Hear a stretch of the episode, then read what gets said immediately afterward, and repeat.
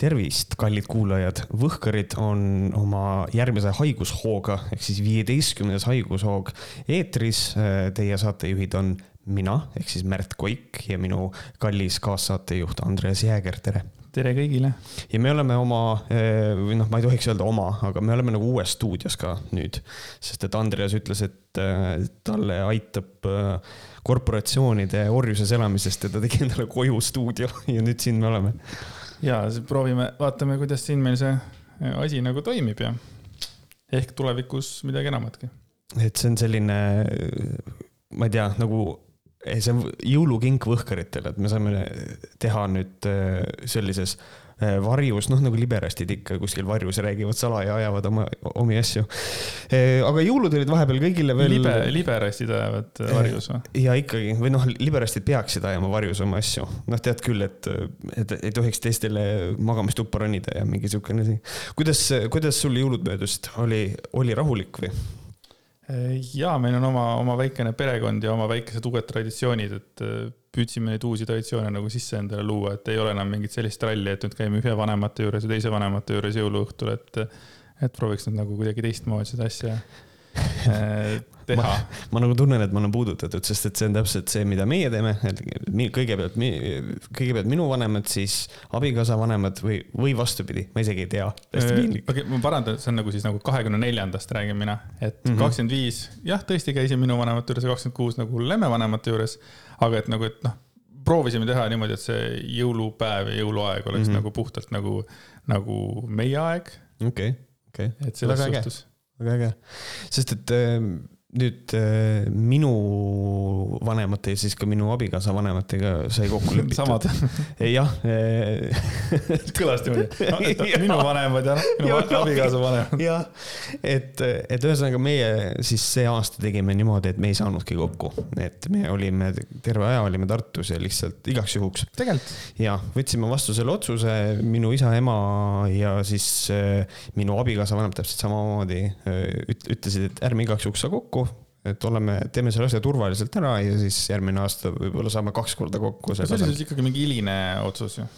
sellepärast, et kui me veel rääkisime sinuga mingi, ma ei tea, poolteist nädalat tagasi, siis sa olid üsna kindel, et sa oled nüüd siin. ma olingi üsna kindel, aga see oli enne seda, kui, kui nakkused olid nüüd nii kõrged ja et siis ikkagi otsustasime, et igaks juhuks võib-olla, et, et lükkame edasi, et hästi, ühest küljest oli hästi kummaline olla jõulude ajal nagu oma kodus, sest noh, tavaliselt ei ole kunagi olnud.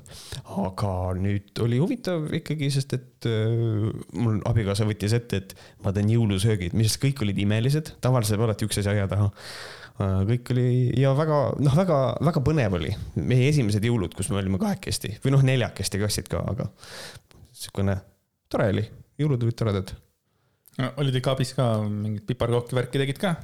Eh, piparkooke, meil ei ole kodus see aasta olnud mitte ühtegi piparkooki. tegelikult, ka. uskumatu. et äh, aga ei, eks ma, eks ma tegin nii palju, kui ma suutsin olla nii palju abiks, kui ma suutsin, ma olen suht kasutu inimene, aga, aga ei. see on teadlik valik või sind on lihtsalt lükatud veits kõrvale, et kuule Märt, ära parem tule, ole täitsa. Eh, ma arvan, et see on äh, minu peamine asi, mis ma köögis teen, on see, et ma võtan kõrge riiuli pealt asju mul on see abi vaja, anna mulle see kauss ja siis see on nagu. jaa, sa oled uh, huge as fuck. ja ma olen, ma olen, ma olen sitaks pikk, ma olen meeter seitsekümmend üheksa, see on, see on jõhker koljat võrreldes naisega. ma räägin, see on see pikkus, kus ma võib-olla pigem oleks tahtnud olla noorena sest mul mm. oli probleem sellega, et ma liiga pikk, mind häiris see yeah.. kasvasin hästi kiiresti, hästi pikaks ja peenikeseks, aga noh, see selleks. Äh, meie tegime piparkooke niimoodi, et meil oli äh, neli piparkoogi tainast ja ma lugesin lihtsalt huvi pärast ära kaloreid, siis oli mingi mhm. kuus mm. tuhat kalorit tegime endale lihtsalt paariks päevaks. et wow. ja veel glasuur juurde, nii et oli üldse hardcore. see on nagu, kui ma vaatasin jaapanlaste lemmik jõulutoitu, milleks on KFC, et äh, KFC ühes ämbris, mis on vist äh, kaksteist kanatiiba, et seal on põhimõtteliselt täiskasvanud inimese päevanorm kalorites seal on ühes ämbris sees. et põhimõtteliselt, kui sa KFC-st sööd, siis sa saad korra päevas süüa see on mingi mingisugune, kurat, ma ei ole tegelikult isegi Eestis ostnud seda paketit või midagi mm. -hmm. ja mina, mina olen ostnud. sa oled juba käinud KFC-s? jah, ma olen käinud, no lihtsalt, et proovida, et millest, et what the fuck is it all about nagu ja, ja tegelikult. ja siis oligi, et noh, sõber küsis, et noh, kuidas oli nagu, et noh, kuidas sulle maitses ja siis mul oligi nagu see, et sihuke kaheksakümnest. et ta on täpselt minu jaoks sealmaal, et ta ei ole nagu, no ta on siuke, ta on nagu hea.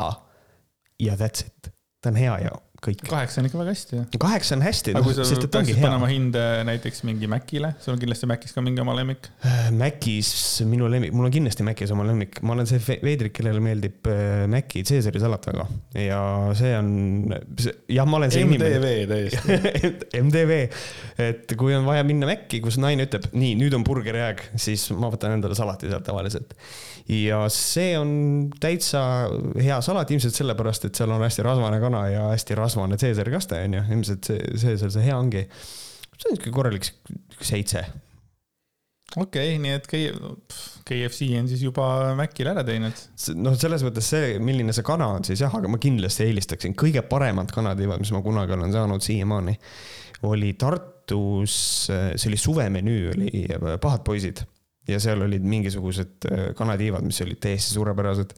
et selles mõttes, et äh, oluliselt parem kui KFC kindlasti. ja nüüd, kui sa iga kord, kui lähed pahadesse poistisse, ootad seda esimest nagu seda chunky värki, vaata, et saaks uuesti ja kunagi ei ole enam needsamad tiivad. ja just, et noh, suvemenüü enam ei ole, et see on nagu veits, veits kurb, samas ma ei ole seal kaua käinud ka, võib-olla neil on mõistus koju tulnud, et nad on selle sinna sisse pannud oma põhimenüüsse, see oleks tore. kusjuures Pahad poisid veel töötab, et no just üks päev kõndisin mööda seal ja ma olin veits, vaata, kuna ma ei käi üldse nagu kuskil mingi siin, no, noh, pubides absoluutselt ei käi mm, -hmm. siis vahepeal, kui satud linna, siis vaatad, aa, okei okay,, cool, ristiisa, ikka veel alles, kakskümmend viis aastat, onju. paatpoisid vist nii kaua ei ole olnud, aga see koht on seal olnud selles mõttes nagu pubina ka, ka ja. veel töötab. tudengid läks nüüd kinni, suudavad tudengid mm. -hmm mis on, mis on väga nagu mõnes mõttes kurb, et noh, selles mõttes ikkagi suudlevad tudengid mõnes mõttes. noh, ma saan küll aru, suudlevad tudengid on see kuju küll, eks ole, see skulptuur, aga ikkagi see lokaal on ka nagu ikooniline minu arust, et see on nagu kahju no ja ongi see, et suudlevad tudengid, mis tegelikult oli samamoodi nagu Ristisa ja Pahad poisid on nagu kogu aeg olnud, vaata seal mm, -hmm. et mhm. nagu noh, lihtsalt suri siis välja ära või. ja nüüd läheb sinna Vahv koor, ma olin nagu üllatunud, vau. üle, ülemisele korrusele hakkab Vahv koor oma mingit äh, proove asju tegema päris huvitav. tundub, et üldsegi mingitel kooridel ja tantsuklubidel on pappi, sellepärast et kui Atlantis kinni läks, siis sinna, seal rentis välja tantsugrupp nimega Chate, mul on niimoodi, et mida yeah.? et nagu Atlantis ja. ei suutnud ennast nagu ära majandada ja siis, äh, siis nagu show tantsugrupp suudab siis seda kuidagi hakata siis nagu manage ima. tuleb Chate.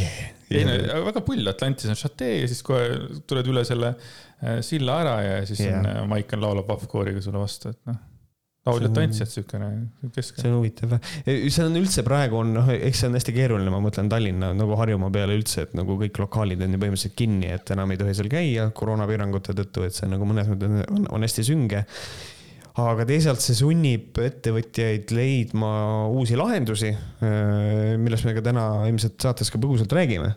kuidas ka Tartus saab seda leida lahendusi, mis see, mis on sügavalt nagu nõmedad aga samas on olemas väga ägedaid lahendusi, et äh, kui mul meeles on, siis ma pärast, mul on üks hea näide tegelikult, mille ma võin kohe tuua, näiteks Vein ja Vine äh, pakub aastavahetusel, vist oli vahuveini koolitust et sa registreerid ennast ära, see vist maksab vist sada kakskümmend kaheksa eurot. Nad saadavad sulle koju vist neli pudelit erinevat vahuveini ja siis äh, aasta lõpus on selline veinikoolitus, millel on dress code, et, äh, et sinu ülemine ots oleks smart casual'is, hästi tore ja siis põhimõtteliselt on veinikoolitaja, kes räägib vahuveinidest ja siis sa saad ise maitsta need samal ajal, et see nagu toimub Zoom'is. ja minu arust see on sitaks äge et nagu leiti nagu viis, kuidas ikkagi võimaldada mingisugust koosolemist või koos viibimist inimestele. kuidas veinikoolitus on okei okay.? sest et see on. tavaline hängimine nagu ei ole? ei, aga see ongi, see on, see on ah, Zoom'is Zoom., see on Zoom'is okay,, nad saadavad selle sulle koju ja sa istud arvuti taga mm ilma püksata okay. võid olla ja lihtsalt maitsed vahuveini ja siis sul on spetsialist räägib sellest, et mis asi see on, mida sa just praegu jood. see on päris äge mm.. et, äh, et, et see on tuus okay., iga kord, kui selline asi juhtub, kus sa nagu räägid midagi ära ja siis ma küsin nagu mingi, ütleme, kas minuti või siis nüüd kuue sekundi pärast uuesti, siis kui ma kuulan seda vahepeal üle nagu kodus, siis mõtlen, kuidas see võimalik on, et, et, et nagu, nagu ma ei tea, kus ma vahepeal nagu mõtetega olen, et hakkan peale mõtlema. kirikus ei käinud? kirikus ei käinud? mina käisin ja me käisime kahekümne neljandal esimest korda elus käisime nagu perega ja siis meie kõrval boksi sõpradega käisime, käisime kirikus ja kui me sinna jõudsime, ütleme mingi veerand tundi enne seda siis jõulupalvust või kuidas mm -hmm. seda nimetatakse, seal oli kolm inimest. ja lõpuks võib-olla tuli seal mingisugune paarkümmend inimest kokku, aga arvestada, kui suur, kui suur on kirik, siis isegi ei olnud vaja nagu kedagi välja ajada ja siis kuskilt kuuled või noh, ma kuulsin ja lugesin, eks ole, et mingites kohtades on kirikud ikkagi, ka kirikud teevad sohki, et ka mõnes kohas oli kaheksakümmend viis protsenti täis ja yeah.. aga kuidagi ma olen kuulnud, ka kirikud on tegelikult üsna tühjad praegusel ajal, et inimesed tõesti hoiavadki eemale mm. -hmm. aga, aga ja. see häda, mis nagu, mis hädakisa tuli siis, kui oli see, et, et miks kirikud jäävad lahti, umbes noh, kõik ülejäänud asjad kinni pannakse, et äh, ma, ma veits nagu ei mõistnud seda. sest et nagu kirik ei ole selline koht either way, kuhu nagu inimesed lähevad mingisugune hullu karjaga. et ma nagu hakkasin selle peale mõtlema, et, et puhtalt juba sellepärast see ei ole ju nagu mingisugune ohtlik koht. seal ja. ei ole anyway inimesi. Eks seal on nagu see osa, eks ma, ma arvan, et inimesed peavad nagu inimesed tahavad seda võrdsust väga palju, et kõigil oleks nagu, nagu ühtmoodi, et, et kui me ei tohi seal käia, siis miks me seal tohime käia, nagu need küsimused, et eks see nagu sellest nagu tuleb. mõnes mõttes ma nagu suudan nagu aru saada sellest, et kui meil on avalik kogunemise koht, et miks on osad lahti jäävad, osad kinni. aga teisest küljest, kuna ma olen elus ühe korra kirikus käinud ja näinud, kui palju inimesi seal tegelikult käib, siis küll jah, et nagu seal ei ole vaja kaks pluss kahte hoida, sest et seal on kakskümmend pluss kakskümmend reegel nagu selline. et, et, et jah, et mõnes mõttes ma nagu suudan mõlemat poolt natukene mõista, selles mõttes ei, muidugi ma suudan ka mõista, loomulikult ajab nagu närvi inimesi, et näed, miks see koht, kus mina nüüd käin, läheb kinni, aga mm mingisugune kirik, kus keegi ei käi, see on lahti. aga nagu mina selle suutsingi nagu ära enda jaoks nagu mõistetavaks teha, et sellepärast see ongi, et see ei ole nagu nakkusohtlik koht, et. aga selles mõttes, et see pilt, mis siin levis ka sotsiaalmeedias, kus oligi, et, et oli pilt, et see oli nagu jõusaalis, kus oli nagu noh olematu hulk inimesi ja siis kirjutad sinna, et ohtlik ja siis on nagu siis kaubanduskas-, kaubanduskeskuse ees, kus on full blown autod, inimesed ja see on siis nagu ohutu, et noh, jah, küsimärgid jäävad õhku selliste kohtade pealt pigem. eks see võib-olla mõnes mõttes küll jah, tekitab selle küsimuse, aga, aga jah, et noh, mina ei suutnud, noh, ma, ma ka nägin seda meemi iseenesest, see, et ohtlik ja mitteohtlik, aga minul nagu teki-, tekitas pigem nagu sellist nördimust nagu see, et, et inimesed ikkagi lähevad massiliselt kaubanduskeskusesse, teevad selle teadliku valiku, et, et ikkagi lähme, lähme poodleme ja. aga, aga noh, me ei saa sellele kuidagi vastu seista, eestlane on vaba siiski. jah, sest no, no kuidagi, kuidagi need kaubanduskeskused olnud arust läbi aegade olnud alati mingisugused rahva kogunemiskohad mhm. on mm -hmm. ju, ja siis nüüd, kui nagu kõik muud asjad on ära võetud ka veel, et siis ongi niimoodi, et noh mida sa, kaua sa siin kodus vahid, eks ole, siis lähedki hängid jälle seal, et aga. ja tegelikult, noh, tegelikult kaubanduskeskus mulle ei tundu nagu ohtlik, sellepärast kui ikkagi on ruumid on suurid, et suured, et noh, kui ma puhtalt lõunaka peale mõtlen, siis tegelikkuses see ei tohiks olla probleem aga mida ma nägin lõunakas, oli see, et nad olid toppinud äh, kõik need mingisuguseid jõuluasju müüvad äh, onud-tädid ja mingisugused firmad olid kõik topitud ühe area, peale, mis tähendab, et mhm. põhimõtteliselt sul oli meetrine vahevõimalust läbi käia kuskilt ja, ja siis, ja siis oli ja. see võimalus, et, et kõik see hunnik inimesi, kes tegelikkuses ei oleks olnud probleem, kui see oleks nagu tavaline niisugune suured koridorid, nagu seal on, eks ole. aga nüüd oli fuck you ma pidingi vastu hõõruma inimesi, kuna meil oli ka vaja käia näiteks lõunakas, eks ole. ja siis oli ka nagu tegelikult. jah, et noh, tegelikult see, see, see on hästi märkus, sest et äh, me ka käisime vist mingisuguseid, me tellisime suuremaid asju endale põhimõtteliselt äh, koju äh, et noh, et ei peaks ise poodi minema. ma käisin mingeid asju ikkagi ostmas, mis noh, ikka unus-, unustad herneid tellida, kui tahad kartulisalatit teha, onju ja siis ma käisin poes ja siis oli ka nagu näha seda, et eh, noh, lõunakas on see probleem tõepoolest, et nagu see ala, kus kohas müüakse neid asju, kuidagi võiks nagu paremini korraldada, võttes arvesse seda praegust olukorda küll. aga noh, mis sa teed, raha karjub ju, et selles mõttes, et ilmselt on vaja kuidagi teha. kuidagi on hakanud tekkima mul tunne, et, et kuidagi see hirm ise teeb inimesi kuidagi veits nagu haigemaks, et miks ma sellele pööran tähelepanu, on see, et et kuna nüüd, nüüd on nüüd kohe-kohe on laulatus tulemas ja nüüd on nagu hakanud inimesed nagu, paar, paar inimest on juba kirjutanud, et noh, et nad ei saa tulla seoses selle mm -hmm. viirusega. ja kui üks osa minust ütleb, et okei okay,, cool, ma saan nagu aru, onju, siis teine osa ütleb nagu tegelikult ka või. me räägime fucking kirikust, kuhu on kutsutud tegelikult hästi väikene osa inimesi mm, -hmm. hästi, no hästi vähe inimesi tegelikult, see oli meil teadlik selles mõttes valik et siis nagu, et nagu kuidagi, et siis seda kohta nüüd hakata kartma, kui ma ei tea, tundub veits nagu veider. ma ei tea, kas võtta sellist asja isiklikult või mitte või? ma ei saa sulle öelda, mida sa võid isiklikult võtta, aga mina leian seda, et äh, mina nagu lohutan sind sellega, et kui inimesel on hirm ja ta tõepoolest arvab, et ta pigem ei tule, siis äh, mina arvan, et pigem on vaja süüdistada ikkagi selles koroonaviirust ja kõiki neid inimesi, kes äh, väidavad, et seda ei ole olemas Eh, tänu millele on kindlasti ka nakatumismäär võib-olla tõusnud meil. et pigem süüdistada seda, et pigem kui inimene on hästi ettevaatlik ja tahab hoida ennast ja teisi, et ma, ma, ma leian, et see on ainult positiivne tegelikult. okei okay,, ja siis teil oli ka jõulude paiku, et siis nagu te leppisite mõlemate vanemate kokku, see oli nagu teie ühine otsus, ei olnud ja. niimoodi, et kellegi poolt, jah? Eh, see oli niimoodi, et minu, minu isa nagu andis mõista, et targem on üldse mitte tulla Äh, see puudutas eriti minu käli, kes elab Tallinnas, et noh, et äh, neil oligi see küsimus, et kas tema tuleb ka, no ja plaanitud on ja. aga mis oligi nagu hea, äh, oli nagu see, et me olime otsustanud, et me ei lähe.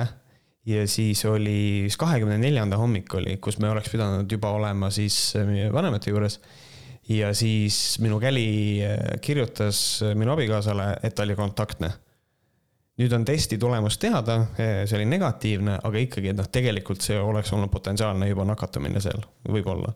et selles mõttes äh, oli see väga õige otsus, et see nagu äh,, kui oli mingisugune halb tunne, et me nagu ei, et oh, et me ei läinud, siis see kadus kohe ära, siis kui see info, info tuli, et on kontaktne selles mõttes. kui see on ikkagi võetud nagu ühiselt otsus vastu, siis see on nagu okei okay. mm, -hmm. aga mhm. taaskord ma olen kuulnud, et ongi võib-olla pigem mõndadel inimestel on need vanemad need, kes nagu lõikavad selle ära, et ei, et, et ärge seekord tulge, teie noored, et me mm -hmm. tead siin.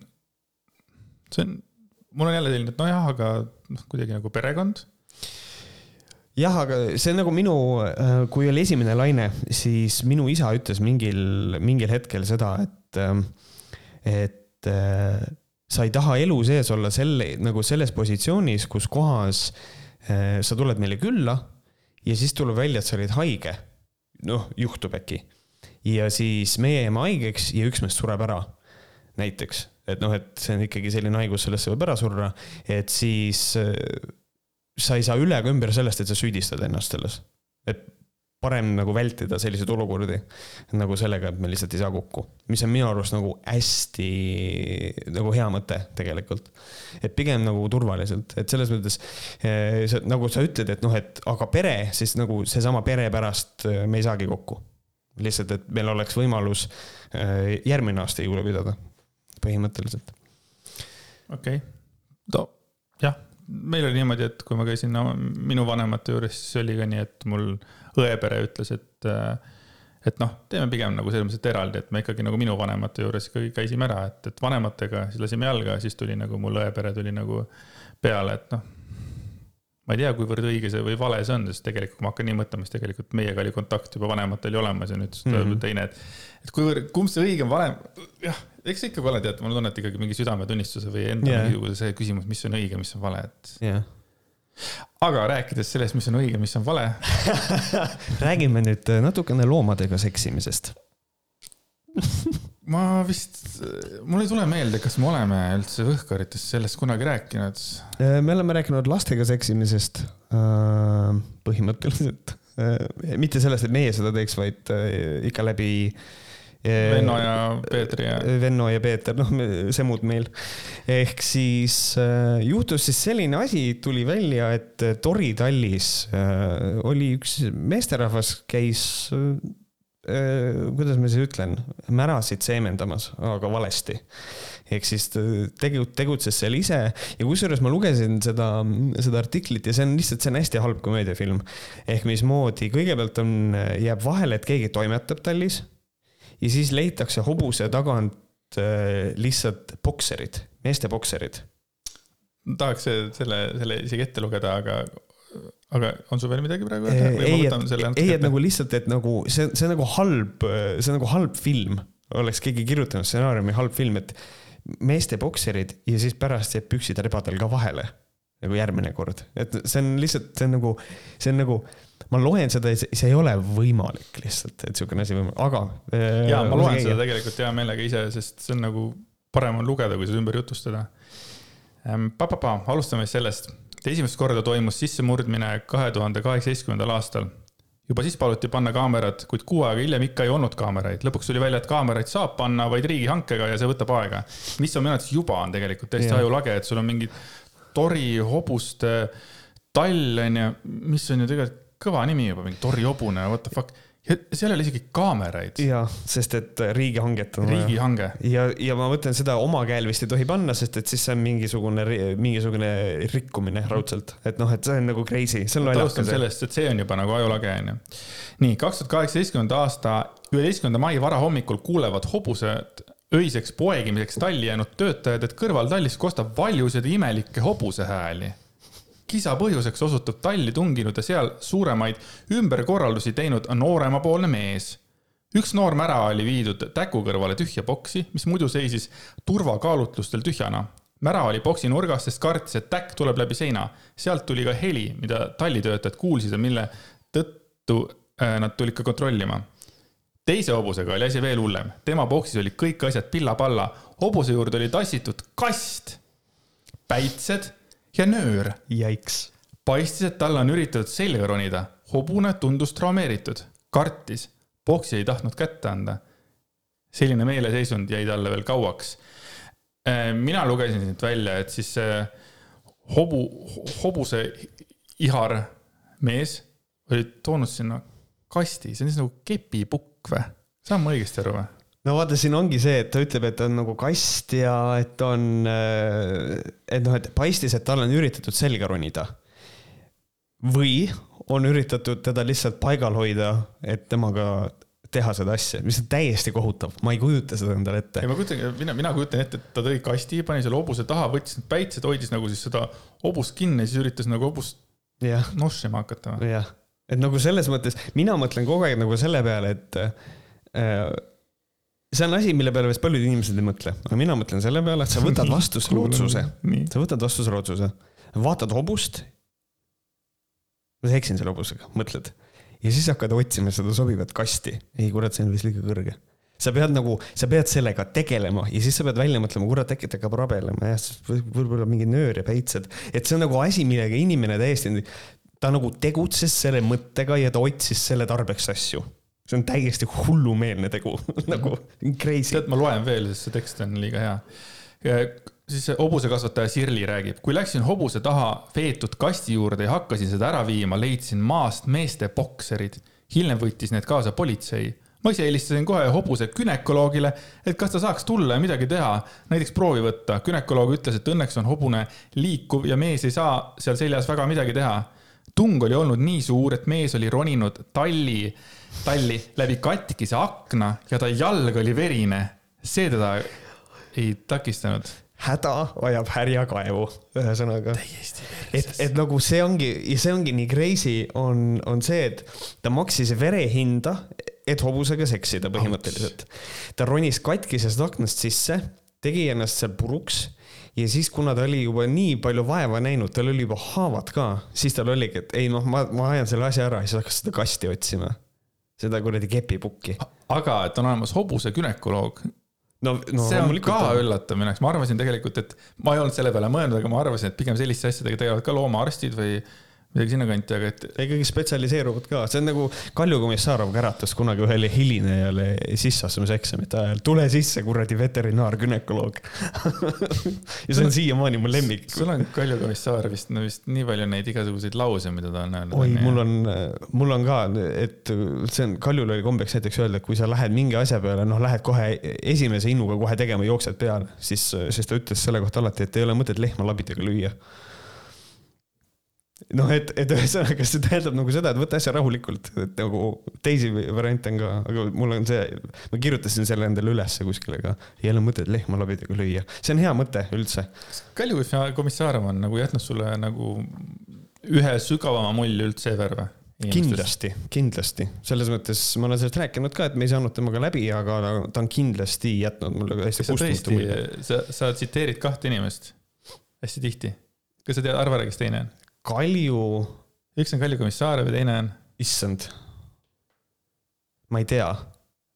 kui ma ei eksi, see on George Carlin. George Carlin ja, jah, ma oleks võib-olla. George Carlin ja Kalju Komissarov. kaks sellised inimest, keda nagu jah, nii, natuke loen veel. teise intsidendi järel avastasime, et vai on kõveraks painutatud ehk mees oli üritanud sisse tulla sama teed kaudu ja kui ta siis ilma püksata seal vahele jäi, panigi ta plehku sellesama ukse alt, kust viimati oli sees käinud, lihtsalt viskas selle raudkangi eest. nii, nüüd tuleb siis see tabamise hetk. sissemurdja tabatakse üksnes seetõttu, et tema põgenemist silmab sündmuskohale äh, rutanud lootuse naine äh, lootus on siis, kohe ma ütlen, kes see lootus oli. ta oli ka üks äh, hobuse dresseerija või, või treener oli mu naine jooksis talle järele, mees peitis ennast põõsa taha ära ja jäi ootama. pärast naine näitas politseile, et seal ta on. kõik, kes äh, talliga seotud, kuulsid, et sellised intsidendid olid. me, meie hobune sai vigastada ja mõned hobused said rahuldust see on nagu asi, millega ma võib-olla ei tahaks nagu nõustuda. ülejäänud tekst, tekstiks on ju äh,. alustame kohe, kohe sellest, et äh, naine jooksis talle järele, mees peitis ennast põõsa taha ära ja jäi ootama. mida ma... sa joo-, mida sa enam ootad? vaata, see ongi see, et sellepärast ma räägin, et see on nagu, see on nagu hästi halb. Äh, komöödiafilm. uskumatu et see on, äh, et noh, see, see kõlab nii uskumatuna, aga nagu reaalselt, kui nii on, nii päriselt oli, et noh, see on tegelikult noh, noh, ja mis oligi päriselt, et noh, et kõigepealt leitakse bokserid, siis tabatakse ta püksid rebadel ja ta põgeneb ära ja jääb põõsa taha ootama. Ja ootab nii kaua, kuni politsei on kohal ja näidatakse näpuga, et ta on seal. kas see inimene on puudega? no ta on ilmselgelt katki, sest tal jalg on verine et võib-olla ta veel ei ole puudega. aga see oli juba teine intsident, võib-olla oli jalg ära paranenud juba. või need, või need, või see oli juba järgmine päev, ma ei tea. segane. et see on crazy, see on täiesti pöörane nagu. ja siis sinu lemmiklause. meie hobune sai vigastada ja mõned hobused said rahuldust. Jah, mis on hästi kummaline asi, mida öelda, et nagu selles mõttes, et nagu okei okay, mina ei ole suur hobuse fänn kunagi, aga ma ei ütleks elu sees nagu niimoodi, seal on nagu hobusega tegelevad inimesed, et ma ei ole selles nii kindel, et rahuldust said, neid hobuseid vägistati siiski, et see on hästi kummaline asi, mida öelda. aga nagu üks asi on öelda, teine asi on teha seda, nagu see mees tegi, et nagu jaiks, see on nii crazy lugu, aga nagu noh, mis on, mis nagu minu jaoks on, oli suur üllatus, oli see, ma kusjuures ei teadnud seda, et et, ähm, et siin on selline lause, et erinevalt enamikest arenenud riikidest, äh, kaasa arvatud kõik Põhjamaad, kus loomadega seksimine on kriminaliseeritud, on sofiilia Eestis legaalne. ja see on asi, mida ma ei teadnud. ma ei teadnud seda, et sa võid loomadega seksida siis otseselt ei saa seda teha, ei saa sind karistada, kui just ei leita viis, kuidas seda väänata nagu äh, loomade väärkohtlemise all. jah, et keelatud on küll loomade väärkohtlemine. just aga ütleme, et loomaga vahekorda astumist saab oskusliku advokeerimise korral sinna alla liigitada, kuid selliseid näiteid praktikas teadaolevalt puuduvad. et. jah, et noh, tegelikult see on ikkagi üsna. aga nüüd veeleb. tegelikult on ju olemas üks näide ja, ja sellega võiks nagu tegeleda ja, ja., ja millega me tegeleme, eks ole, ja noh, üleüldse siin nagu Eesti poliitikas ja siis on jälle nagu üks auk, mis on nagu täiesti ja, täitmata. jah, et nagu siin ongi, et mina leian seda, et kõik konservatiivsed inimesed, ma arvan, et minuga on nõus terve Objektiivi äh, toimetus, ma arvan, et minuga on EKRE-ga nõus.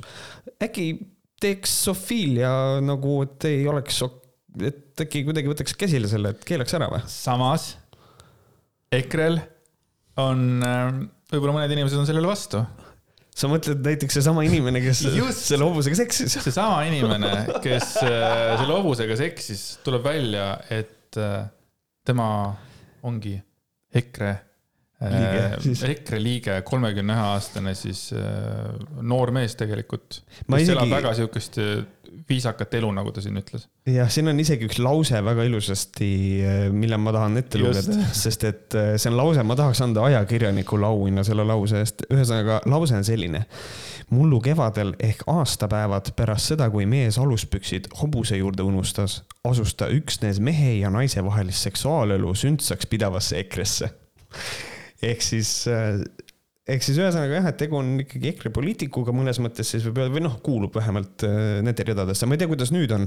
sellepärast et, äh, et noh, ma mõtlen seda, et kui Isamaas on nagu, võivad olla inimesed, kes peksavad inimesi läbi ja kusevad neile peale, kas siis EKRE selline, seal võivad hobuse, hobusenussjad olla või?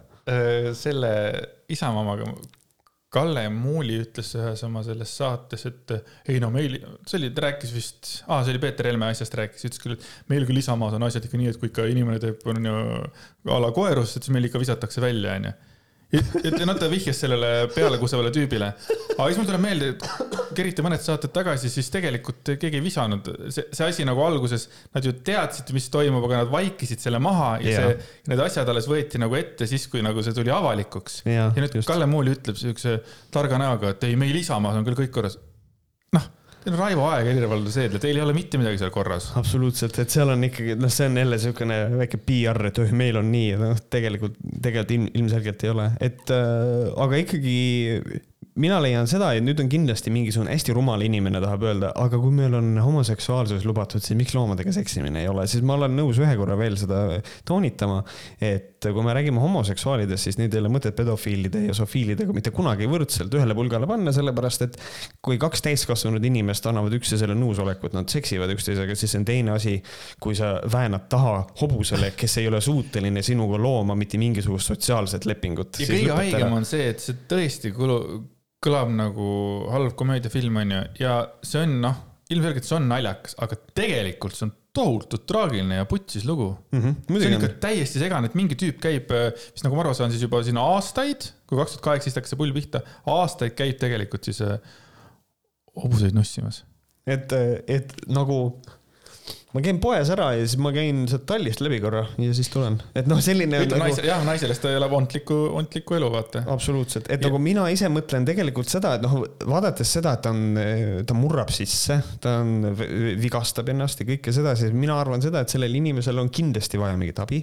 sellepärast, et noh, mina leian, et, et kui me peaksime, ma arvan, et me ei peaks seda kindlasti vangi panema, aga rehabiliteerima seda inimest nagu, nagu, nagu, nagu võiks, sest et tal on, tal on eh, nagu, tal on nagu mingi haige tung ikkagi, et nagu selles mõttes me võime naerda selle üle küll jah, et noh, seksis hobusega, et mis sul viga on, aga selles mõttes, kui inimene murrab aknast sisse, lõhub oma jala ära ja ikkagi ei, I m a fuck that horse, siis nagu kuskil on ikka mingisugune väga tugev probleem, millega on tegelikult vaja tegeleda. ei, seda muidugi. siin on veel selline lause, selline lause ka, et ehkki mees veeti talli juurest ära politseiautos, pole karistusregistris mingit märki, mis seostaks teda loomade väärkohtlemisega. nagu, mis nad siis aknaklaasi lõhkumise eest tuli tal tasuda kakssada eurot suurune trahv. jah, seda siis karistusseadustiku paragrahvi alusel, mis käsitleb omavolilist sissetungi, mitte siis hobusesse, aga sinna talli. et põhimõtteliselt sai kakssada eurot trahvi selle eest ja ma ei ole kunagi prostituudi teenust kasutanud, kas see on odavam või? Kui prostituut. ma vaatan sulle sama tühjade silmadega otsa, nagu sina mulle seda lauset, et ka mina ei ole äh, veel kasutanud prostituudi teenuseid. et kirjutage meile võhkarid, et gmail.com, äh, siis äh, õ on meil kuus. kirjutage, kes on kasutanud prostituudi teenuseid, kas prostituut on kallim kui kakssada eurot? ma mõtlen selles mõttes, et. ma arvan, mingi vanemal ajal ikka mingi kakssada krooni, ma arvan, kakssada, viissada krooni, ma arvan, oli okei okay. mm. -hmm aga tänapäevasesse vist seda ei saa enam tuua, sest kakssada krooni. aga samas, ja ma mõtlen, aga samas on. on kaksteist euri. jah, just. et aga, aga teisest küljest on seal ikkagi see argument ka, et noh, et ta peabki kallim olema, sest et see on sihuke eksklusiivne asi on ikkagi hobusega seksida et noh, me, me, et selles mõttes nüüd me nagu, ma tahan nagu ausalt vabandada, et jah, tõsi on, me mõlemad Andresega praegu natukene naerame kogu selle asja üle, aga tegelikult on see väga suur ja haige asi, et selles mõttes noh, nagu Andres ütles, see on nagu traagiline. hobuste sisse ei näe meist mitte keegi, välja arvatud siis see mees, sorry, ma ei saanud seda nalja tegemata ette, aga põhimõtteliselt, et äh, me ei, me ei näe seda, mida hobune otseselt ju mõtleb, aga põhimõtteliselt on see täiesti kohutav, et nagu meie, meie väikses armsas Eestis äh, tegeletakse selliste asjadega. aga noh. tuleb veel märkida seda, et see hobune, keda tegelikult nagu siis kuritarvitati, oli üheteistaastane võidusõidu hobune. noh, ilmselgelt äh, sitaks kallis hobune mm -hmm. ja sitaks vaeva nähtud selle hobusega ja mingi a la välismaal käis äh, galopitamas siin talviti ja kogu aeg oli nagu noh, ta oli yeah. võistlushobune yeah.. mingisugune, mingisugune debiil. kellele nagu... väga meeldivad sportlased jah, läheb lihtsalt nagu ja tegelikult keerab ühe nagu hobuse totaalselt tuksi. ja, ja see on ikka väga hull ja siin lõpus on ka veel lause, et mm, sel teemal tuleb kirjutada, et loomapidajad teaksid ohtudest, mille peale ise ei tule ja oskaksid oma loomi kaitsta. talupidaja, tallipidajad, hoidke silmad lahti. keeruline on näha, et ta lõpetaks ja miks peakski Eesti seadustest lähtuvalt on tema tegevus ju igati okei okay. ja vaevalt on ta ainuke selline inimene Eestis. lõpp on veel eriti hea. Ja vaevalt on ta ainukene. no tõesti. kindlasti, muidugi. Et noh, selles mõttes on see ka, et hoidke silmad lahti, et see on nagu, see kätkeb endas siis kahte mõtet, et üks asi on see, et, ähm, et tõepoolest hoidke silmad lahti ja jälgige, teine asi on see ka, et noh, riigihange on vaja teha, et need kaamerad ikkagi sebida endale, et, et nagu, et oleks nagu olemas tõestusmaterjal, täiesti pöörane, täiesti pöörane uudis selles mõttes, täiesti pöörane. Aga hästi tubli töö Eesti Ekspressil, et sellise võika loo nagu avalikuks tõid. kahjuks ei ole toodud seda Äh, noh, seda siis nagu hobuse vägistajat nagu kuidagi nagu eespoolt kaadriga ka, et ainult selja tagant äh, oli sealt mingisugune pilt või väike videoklipp, mingi kahesekundine või neljasekundiline, et mm.. ja kui see ei ole kuritegu, miks siis seda varjata? jah. Kusjuures ongi, mina olin praegu valmis ütlema, et nojah, et noh, tegelikult, et kas on vaja nüüd tema nägu igal pool näidata, aga ta ei ole ju teinud, ta ei murdis sisse. jah, ta ei ole kuri, kuritegu teinud. ta ei ole. Come on, Võsa-Peeter käis mingi parmude juures külas on ju, kaamera oli käes, mitte yeah. midagi ei olnud ja, ja, ja, ja pol, ah, politseikroonika oli vanasti yeah.. ma ei tea, kas mäletad, vaatasid seda Peeter Võsa eee..., Peeter Võsa politseikroonikat? seda ja ma olen vaadanud äh,. tagantjärgi ma olen vaadanud politseikroonikat isegi seda enne seda, ma, ma mäletan, kui Ain Allas seda saadet mm -hmm. veel tegi ja yeah. ma olen näinud neid kõiki ja, ja Raimo Kummer ja kõik. ma olen vaadanud jah. jah, ja siis oli ka ju, tuli kaameratega ja tegi mingi väikese koeruse ikkagi, kohe ta oli nagu ju kaamerate ees oma näoga, mingi hetk hakati vist tuudutama või? Mingi teema sellega oli. aga kuna see mees ei ole teinud ikkagi.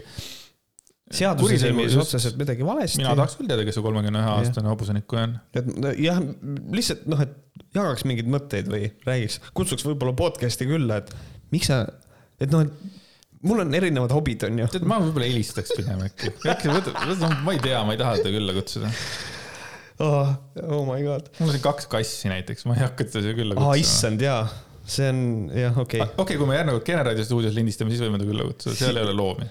jah, seal ei ole, seal ei ole loomi, tegelikult on ikka, seal on, Ruuben Kaalup on käinud seal pool korda Kennis või? jaa, ikka. ei, ta on rohkem see noh, mis see on see koht, kus ta välja visati, Savoodi vend? Savood jah, no ta visati ju Savoodist välja, tal vaata, sest erinevalt Riigikogust on Savoodis mingid standardid, vaata. aga kuule, kas Savood, Savood, kas Savood töötab veel või? ma arvan, et Savood, ma ei usu, et Savood suudab, suudab välja surra.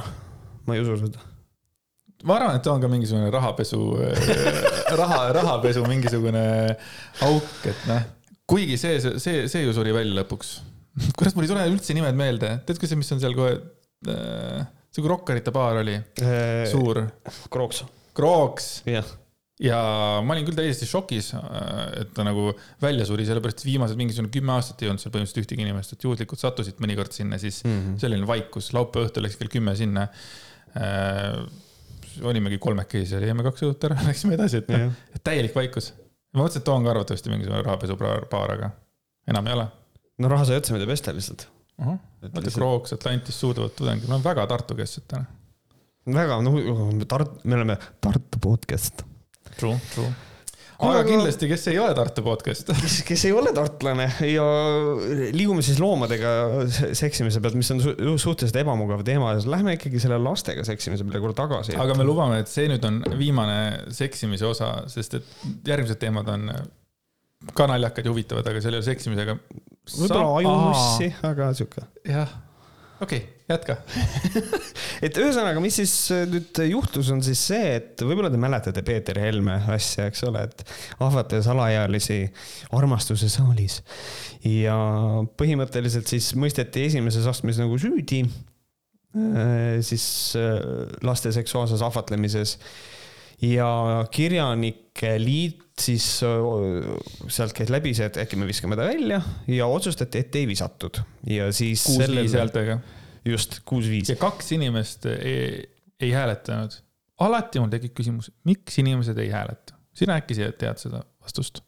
kui Reformierakonnal on mingisugune asi näiteks ja nad kambakesi ei hääleta, mis on selle statement'i point ja praegu ka kaks inimest ma ei tea. miks, miks mitte hääletada? Mm,? võib-olla, võib-olla mina näen nagu mitte hääletamises, mida kindlasti Peeter Helme puhul ei saa nagu seda argumenti kasutada, on see, et ma võib-olla suudan ette kujutada, et kui ma oleksin poliitik, siis ma ei hääleta mingisuguse sellise asja poolt, mis ma näen, et see on täiesti ilmselgelt täiesti mõttetu tegevus. Millega me siin praegu tegeleme, miks me sellega tegeleme. aga samas ma suudan sinna otsa kohe öelda, aga samas, kui me sellega tegeleme, siis parem las ma avaldan oma arvamust selle asja kohta, et siis ma nagu istun siin nagu või olen. täidan oma nagu jaoks nagu vastutuse nagu siis enda küljest maha, aga nad ju sam-, vastutavad samamoodi selle vale otsuse eest ju. jah, mõnes mõttes küll, et noh, see on, see on hästi veider ja, aga samas ma ei tea, no kummaline, ühesõnaga. aga ühesõnaga teda ei visatud sealt liidust välja, mille peale siis astusid öö, mõned inimesed Kirjanike liidust välja, Sass Enno ja Meelis Oidsalu näiteks. ja siis, kui asi oli meedias suure kellaga üles, suur furoor siis äh, nüüd Peeter Helme ikkagi visati välja Kirjanike Liidust. Ja ta visati välja siis äh, Kirjanike Liidu esimees äh, Tiit Aleksejev oma pöördumises ütles seda, et äh, arvavad Peeter Helme Eesti Kirjanike Liidust välja äh, siis punkti kümme kümme C järgi, mis tähendab oma tegevuse ja käitumisega Eh, põhimõtteliselt Eesti Kirjanike Liidu mainet kahjustamine. et eh, põhimõtteliselt nagu selle alusel. mitte nägin... selle asemel, et ta üritas La, lapsi. vot nüüd ongi, ma tahaks seda selgitada ise ka, sellepärast ma nägin, et see probleem tõusis ka feministide foorumis, Virginia Woolf sind ei karda, et mis mõttes me saa-, et mis mõttes on see põhjus, et ta on oma tegevuse ja käitumisega kahjustanud siis EKL-i mainet. ja see põhjus on see, et selle jaoks et inimest välja arvata Eesti Kirjanike Liidust, selle jaoks on vaja põhjust. ja see põhjus saab olla põhikirja alusel, kas maine kahjustamine või see, kui inimene palub, et teda ennast sealt välja visatakse. okei okay,, selge. ja siis see tema kohtuotsus on mainet kahjustav, tema tegevus on mainet kahjustav ja see on see põhjus, millega ta liidust välja visati, et seda keegi seal vist Kirjanike Liidu liige ise selgitas, et see, et, et nagu see on see põhjus Tiit Aleksejev on ka mingisugune veits nagu veider tüüp, et siis kui ta nagu alguses jäeti sinna, siis ka, et umbes, et me küll ei kiida seda heaks ja aga umbes, et noh, ta jääb ikkagi edasi, et et ta on ka nagu niimoodi, et nagu noh, ta on ees, mitte eestkostja, vaid see nagu eeskõneleja, siis vaata, et see, mhm. mis nagu otsus vastu võetakse, siis ta nagu põhjendab seda, et ma ei tea. minu arust tema põhjendused on veits nagu veidrad ja no eks seal, mina näen seal taga ainult seda pointi, et äh, nad ei arvanud, ma ei tea, kuidas see võimalik on, et inimesed on, on nii rumalad, aga eks nad lihtsalt tõepoolest ei suutnud ette kujutada Tiit Aleksejev siis eriti mitte, et, äh, et kui nad teda välja viskavad, sellest selline furoor tuleb, et saadetakse suur neljakümne inimese pöördumine koos allkirjadega, et kuulge, lõpetage ära, see ei ole normaalne. ja mulle isegi meeldis seda, mulle jäi selline mulje, et tegelikult Mart Juur Mart Juur võeti ka nagu ette kuidagi äh, ja üritati talle nagu kuidagi äh, nagu, et noh, et Mart Juur noh, ju välja ei astunud mm. erinevalt siis Sass Ennost ja siis äh, mulle jäi nagu selline mulje, nagu keegi üritaks Mart Juurele nüüd nagu ära panna, et nagu miks sina välja ei astu, siis aga, aga Mart Juur ütles väga ilusasti, et see asi ei ole veel lõppenud, et see asi läheb edasi, et see ei jää nii no, mulle meeldis see lause just, et äh, mina ei liitunud Kirjanike Liiduga Peeter Helme kutsel või soovitusel ja ma ei kavatse Peeter Helme tegude pärast Kirjanike Liidust lahkuda.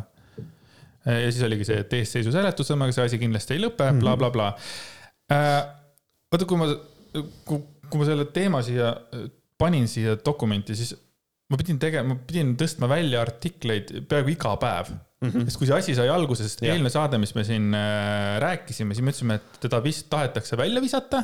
ja siis oli nagu, no ei olnud veel asi toimunud. siis, kui see algas selle Sass Enno pika postitusega, mis ta Fesaris tegi, mis tundeid see sinus tekitas? Äh, mina, äh, Sass Enno on selline mees, kes mulle tundub, me oleme nüüd jõudnud sinna punkti, kus kohas äh, mina vist olen tema Twitteri sfääris ka juba sees ja ta kommenteerib minu mingeid tweet'e ja kõike seda. Äh, ehk siis mõnes mõttes me oleme nagu, me justkui nagu võitleme, ma ei taha öelda, me võitleme, onju, aga me justkui võitleme ühel poolel Sassennoga. ja, aga ma pean Sassennot ka kritiseerima. tegelikult ikkagi nii palju, et äh, ma näen seda nüanssi, et Sass Enno võib öelda, et Eesti kirjanike eliit nüüd toetab justkui pedofiiliat, anda nagu selle, sellise hinnangu. aga see ei ole ka päris õige.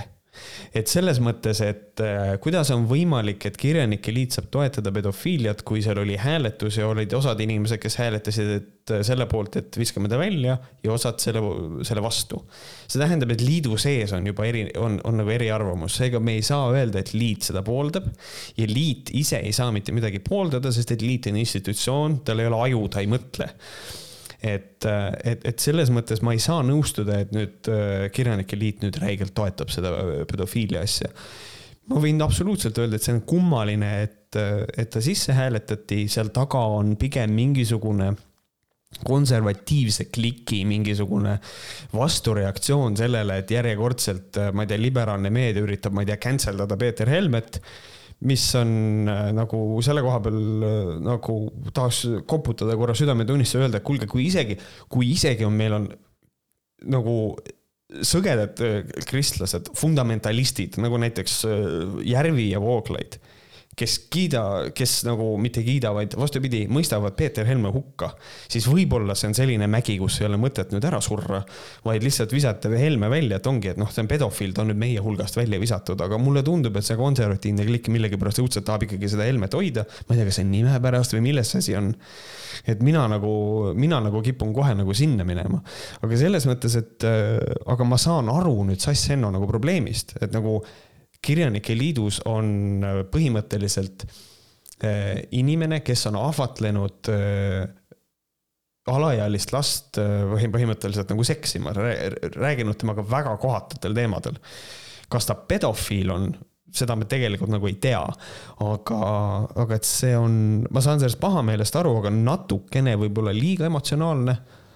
Sassi Enno poolt sa lõpetasid sellega, millega mina tahtsin alustada, et äh, mis mulle tema juures meeldib, Sassenno juures ja ei meeldi, ongi see tema emotsionaalsus mm. -hmm. et kui see Facebooki postitus tuli, siis ta on nii, ta kirjutab nii hästi, see, see kogu see tekst, mis ta kirjutas, et kes ei ole näinud seda, siis minge vaadake Facebookis Sassenno seda postitust selle Kirjanike Liidu kohta. see oli selles mõttes oli niivõrd hea et ta ütles täpselt seda, mida, mida ka mina mõtlen, aga tema oskab seda nagu kirja panna nagu palju paremini ja mulle tohutult meeldib see tema emotsionaalsus, ma olen varemgi näinud seda, et, et, et see vend on üsna, ta on julge, see vend on, see vend on julge, ta on, ta on väga julge, ta võitleb nagu õigete asjade eest. aga teistpidi jälle mul oli ka see, et jälle veits nagu ennatlikkus, ta, ta, läheb hästi tugevalt emotsiooni pealt mingisuguseid asju nagu ka lahmima, et, et sinu, sinu point oli ka tegelikult jumal nagu, oli nagu, oli nagu hea. Ja noh mul lihtsalt, mulle meeldib see, et ta tegelikult selle postituse tegi, et see teema läks üles, sest mina mm -hmm. usun, et mhm. päris suur äh, nagu kasu oligi sellest või noh, tema teene oli päris palju sellest, et see uuesti see teema üles läks, ma ei tea, kui ta ei oleks teinud häält. ja just, täpselt. kas, kas, kas nagu äh, see asi oleks edasi liikunud, olekski niimoodi, et noh, jah ma ise mõtlesin sedasama, et nagu kas tegelikult, kui, kui Sass Enno ei oleks välja astunud Kirjanike Liidust ja kui ta ei oleks seda postitust teinud, siis võib-olla oleks äh, juhtunud see, mida Tiit Aleksei võib-olla arvas, et juhtub, et nüüd see asi lihtsalt lõpeb ära ja, ja asi rahunes maha, aga lihtsalt see furoor oli nii suur, et lihtsam oli, oli ikkagi Peeter Helme äh, liidust välja visata. natuke nagu... on tore, et one, man can make a difference selle, kasvõi selle lollaka Facebookiga nagu. või noh, mis lollaka, Facebook ongi praegu meil ju see põhiasi, kus kõik asi toimub, nii et. jah, sotsiaalmeedia on põhimõtteliselt, noh, see ongi, sotsiaalmeedia on meie nagu ühiskonnas nii oluline asi, et. ja selle Mart Juure selle kohta ka, et ma vaatasin, et tema nimi oli ka ilusasti nagu seal ikka kirjas, et tema oli ka sinna vastu hääletanud Peeter Helme nagu sissejätmisega mm, -hmm. et nelikümmend inimest oli, et see oli nii Kivirähk kui Mart Juur kui Kristiina Ehin ja kõik sellised, et yeah., et noh, neid nimesid lugedes, siis mul oli nagu kuidagi ma väikselt, vaikselt nagu jätsin need meelde, et okei okay,, you have one point in my book, very mm., very good man, vaata jah. et ma olen ka sihuke emotsionaalselt mõjutatav, vaata aga nüüd äh, mina siis sattusin äh, sellise hulluse otsa nagu uued uudised jutumärkides kolumnist nimega Priit Tali on kirjutanud ühe Dumbfuck arvamusloo selle kohta. ja enne kui ma seda natukene puudutan, siis selle artikli pealkiri on, et kus peitub Kirjanike Liidu maine tegelikult ta esitab sellise küsimuse ja ta ei vasta sellele, mis on äh, põhimõtteliselt tema kui ajakirjaniku või kolumnisti puhul näitab seda, et tegu ei ole ajakirjandust õppinud inimesega. Clickbait. Ta ei ole, absoluutselt, ta ei ole kindlasti mitte professionaalne, seda on ka tema kirjapildis näha. lisaks sellele tuleb veel, et uuel uudis, neil ei ole isegi toimetajad, sellepärast et ta on isegi kirjutanud kurat KRT nagu lihtsalt krõtt on kirjutanud ja see on jäänud artiklisse sisse, mis näitab seda, et neil ei ole toimetajat. lauseehitused on täiesti debiilsed ja see inimene, ma olen päris kindel, et äh, mul on hüpotees, et sellist inimest nagu Priit Tali ei ole olemas, on üks viieteistkümne aastane vihane poiss, kes on selle artikli kirjutanud. sellepärast, et kogu mõtteloogika on täpselt sellel tasemel selline üliemotsionaalne, äh, nagu Sass Ennoga loll, ühesõnaga nagu selline. Ähm, ja siis mõned mõtted, et ähm, see on, ma nagu, okei okay,, nii kirjutab siis niimoodi, Helme mõisteti süüdi, seega on ta oma karistuse kätte saanud topelt justkui karistada ei oleks mõtet. kas Helme isikus midagi muutuks selles, kui ta liidust välja löödaks? eriti ei usu. kas Kirjanike Liit kuidagi muutuks, kui Helme sealt välja arvataks? samuti eriti ei usu. mis on lihtsalt see, et okei okay,, sa oled täielik idioot. Äh, topelt karistada ei ole mõtet, tema liidust väljaviskamine ei ole karistus. see on liidu otsus, mida liit tahab teha oma maine säilitamiseks. sellel ei ole, tõsi, äh, me viskame äh, Peeter Helme välja aga sellel ei ole Peeter Helmega tegelikult nagu mitte mingisugust seost. otseselt. et see ei ole nagu, see ei ole Peeter Helmele karistus. et see on nagu, et, et see on hästi kummaline mõte. ja kas Helme isiku, isikus muutuks midagi, kui ta välja löödakse, keda see huvitab, täiesti suva. me räägime sellest asjast, mida ta tegi, see on oluline ja kas liit kuidagi muutuks, kui Helme sealt välja arvatakse, samuti, samuti ei usu. no tegelikult muutub küll, seal ei ole potentsiaalselt pedofiile enam et see on nagu, see on puhtalt maine säilitamine, aga noh, me ei saagi Priit Tallilt oodata mingisugust äh, intellektuaalset mõtet. aga siit me läheme edasi, kus kohas äh, Priit Tali kirjutab sellise mõtte, et kui ma seda kodus lugesin, siis ma pidin püsti tõusma ja ma pidin hingama, sest ma läksin endast nii välja. siis ta kirjutab siukse lause. Helme on kuulunud liitu väga pikka aega kas selle aja jooksul oli märgata, et ta sellesse organisatsiooni kuidagi ei sobi või kahjustab kuidagi liitu? ei ole kuulnud. ja nüüd on nagu see koht, kus kohas ma tahaks päris ausalt panna vastu hambaid inimesele, sest et kui nüüd selgub, et keegi kahjustab äh, Eesti Kirjanike Liitu, siis saadakse aru, ahah, ta nüüd kahjustab ja siis ta arvatakse sealt liidust välja. mis on täpselt see, mis juhtus sest et see loogika äh, on praegu Priit Talli täpselt selline, et justkui, et äh, mees pannakse mõrva eest vangi, ütleme. tapab ära inimese, pannakse vangi ja siis äh, tuleb Priit Tali, ütleb, aga ta on terve oma elu, kas ta on kunagi teinud midagi, mille eest ta peaks vangis istuma või? ei ole ju miks ta siis vangis on? see on täpselt sama loogika. ehk siis selle jaoks, et ehitada üles oma argument, ta peab konkreetselt ignoreerima seda eh, hetkeolukorda, et eh, Peeter Helme on eh, alaealisega nagu meelitanud seksuaalsetele tegudele alaealist, see on täiesti Priit Tali on rumal inimene, lihtsalt konkreetselt ta on loll. et see on nii rumal, nii rumal argument. ja ja, ja siis ta suudab Priit üllatada mind totaalselt sellega, et ta läheb kogu selle, et mismoodi Kirjanike Liit on institutsioon ja see on inimestele tähtis institutsioon ja siis kuhu ta hüppab. et äh, täpselt samadel alustel toimub ühiskonnas üks teine protsess ka. kirjanikest kordades äh, rohkem on meie seas inimesi, kelle jaoks on abielu institutsioon tähtis. ja siis ta võrdsustab omavahel Eesti Kirjanike Liitu ja abielu Eesti kirja, nagu Eesti Kirjanike Liit on siiski äh, oma, omaenda põhikirjaga reaalne institutsioon. Äh, ehk siis see on täiesti vale võrdlus, sest et kui me räägime abielust, siis abielu on mingi ühiskondlik, mingisugune äh, konstruktsioon, norm. nagu ma igaks juhuks. miks üldse siia sellepärast, puutub nagu? sellepärast, et see on tema arvates täpselt sama asi, on see, et liit muutubki emotsionaalseks ja hakkab kaitsma ennast. Ja siis viskavad Helme välja, see on emotsionaalne reaktsioon ja siis ta sellesama asjaga põhjendab seda, et aga abielu kaitsjad on täpselt samamoodi emotsionaalsed ja muutuvad äh, nagu noh, et käib selline protsess, et üritatakse nagu rünnata abielu.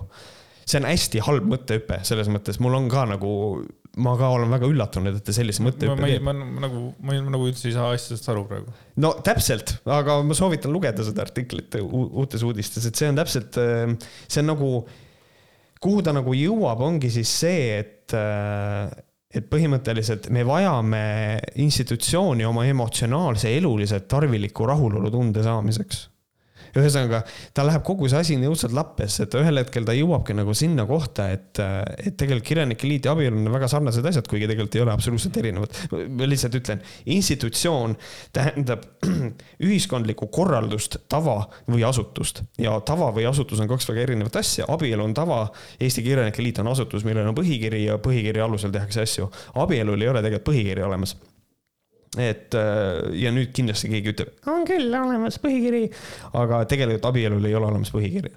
et see on hästi kummaline, ma lihtsalt tahtsin sellest natukene rääkida, et ikkagi ma soovitan äh, uute uudiste arvamuslugusid lugeda, sest et need on kirjutanud täiesti kirjaoskamatud kretiinid, kirjutavad seal neljalõigulisi arvamuslugusid, mis on, näitavad seda, et, et tegu on mingisuguse, ma ei tea ma ei oska öelda, hästi ebaõnnestunud okay, neli, neli, neli, neli, neli lõiku, mis see siis nagu sinu jaoks tähendab?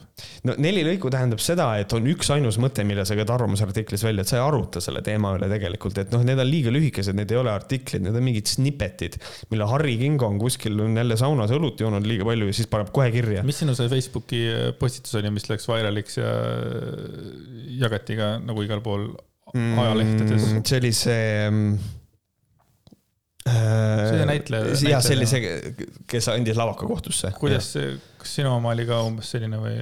või sul oli seal, oli seal nagu rohkem siis nagu neid tahke või?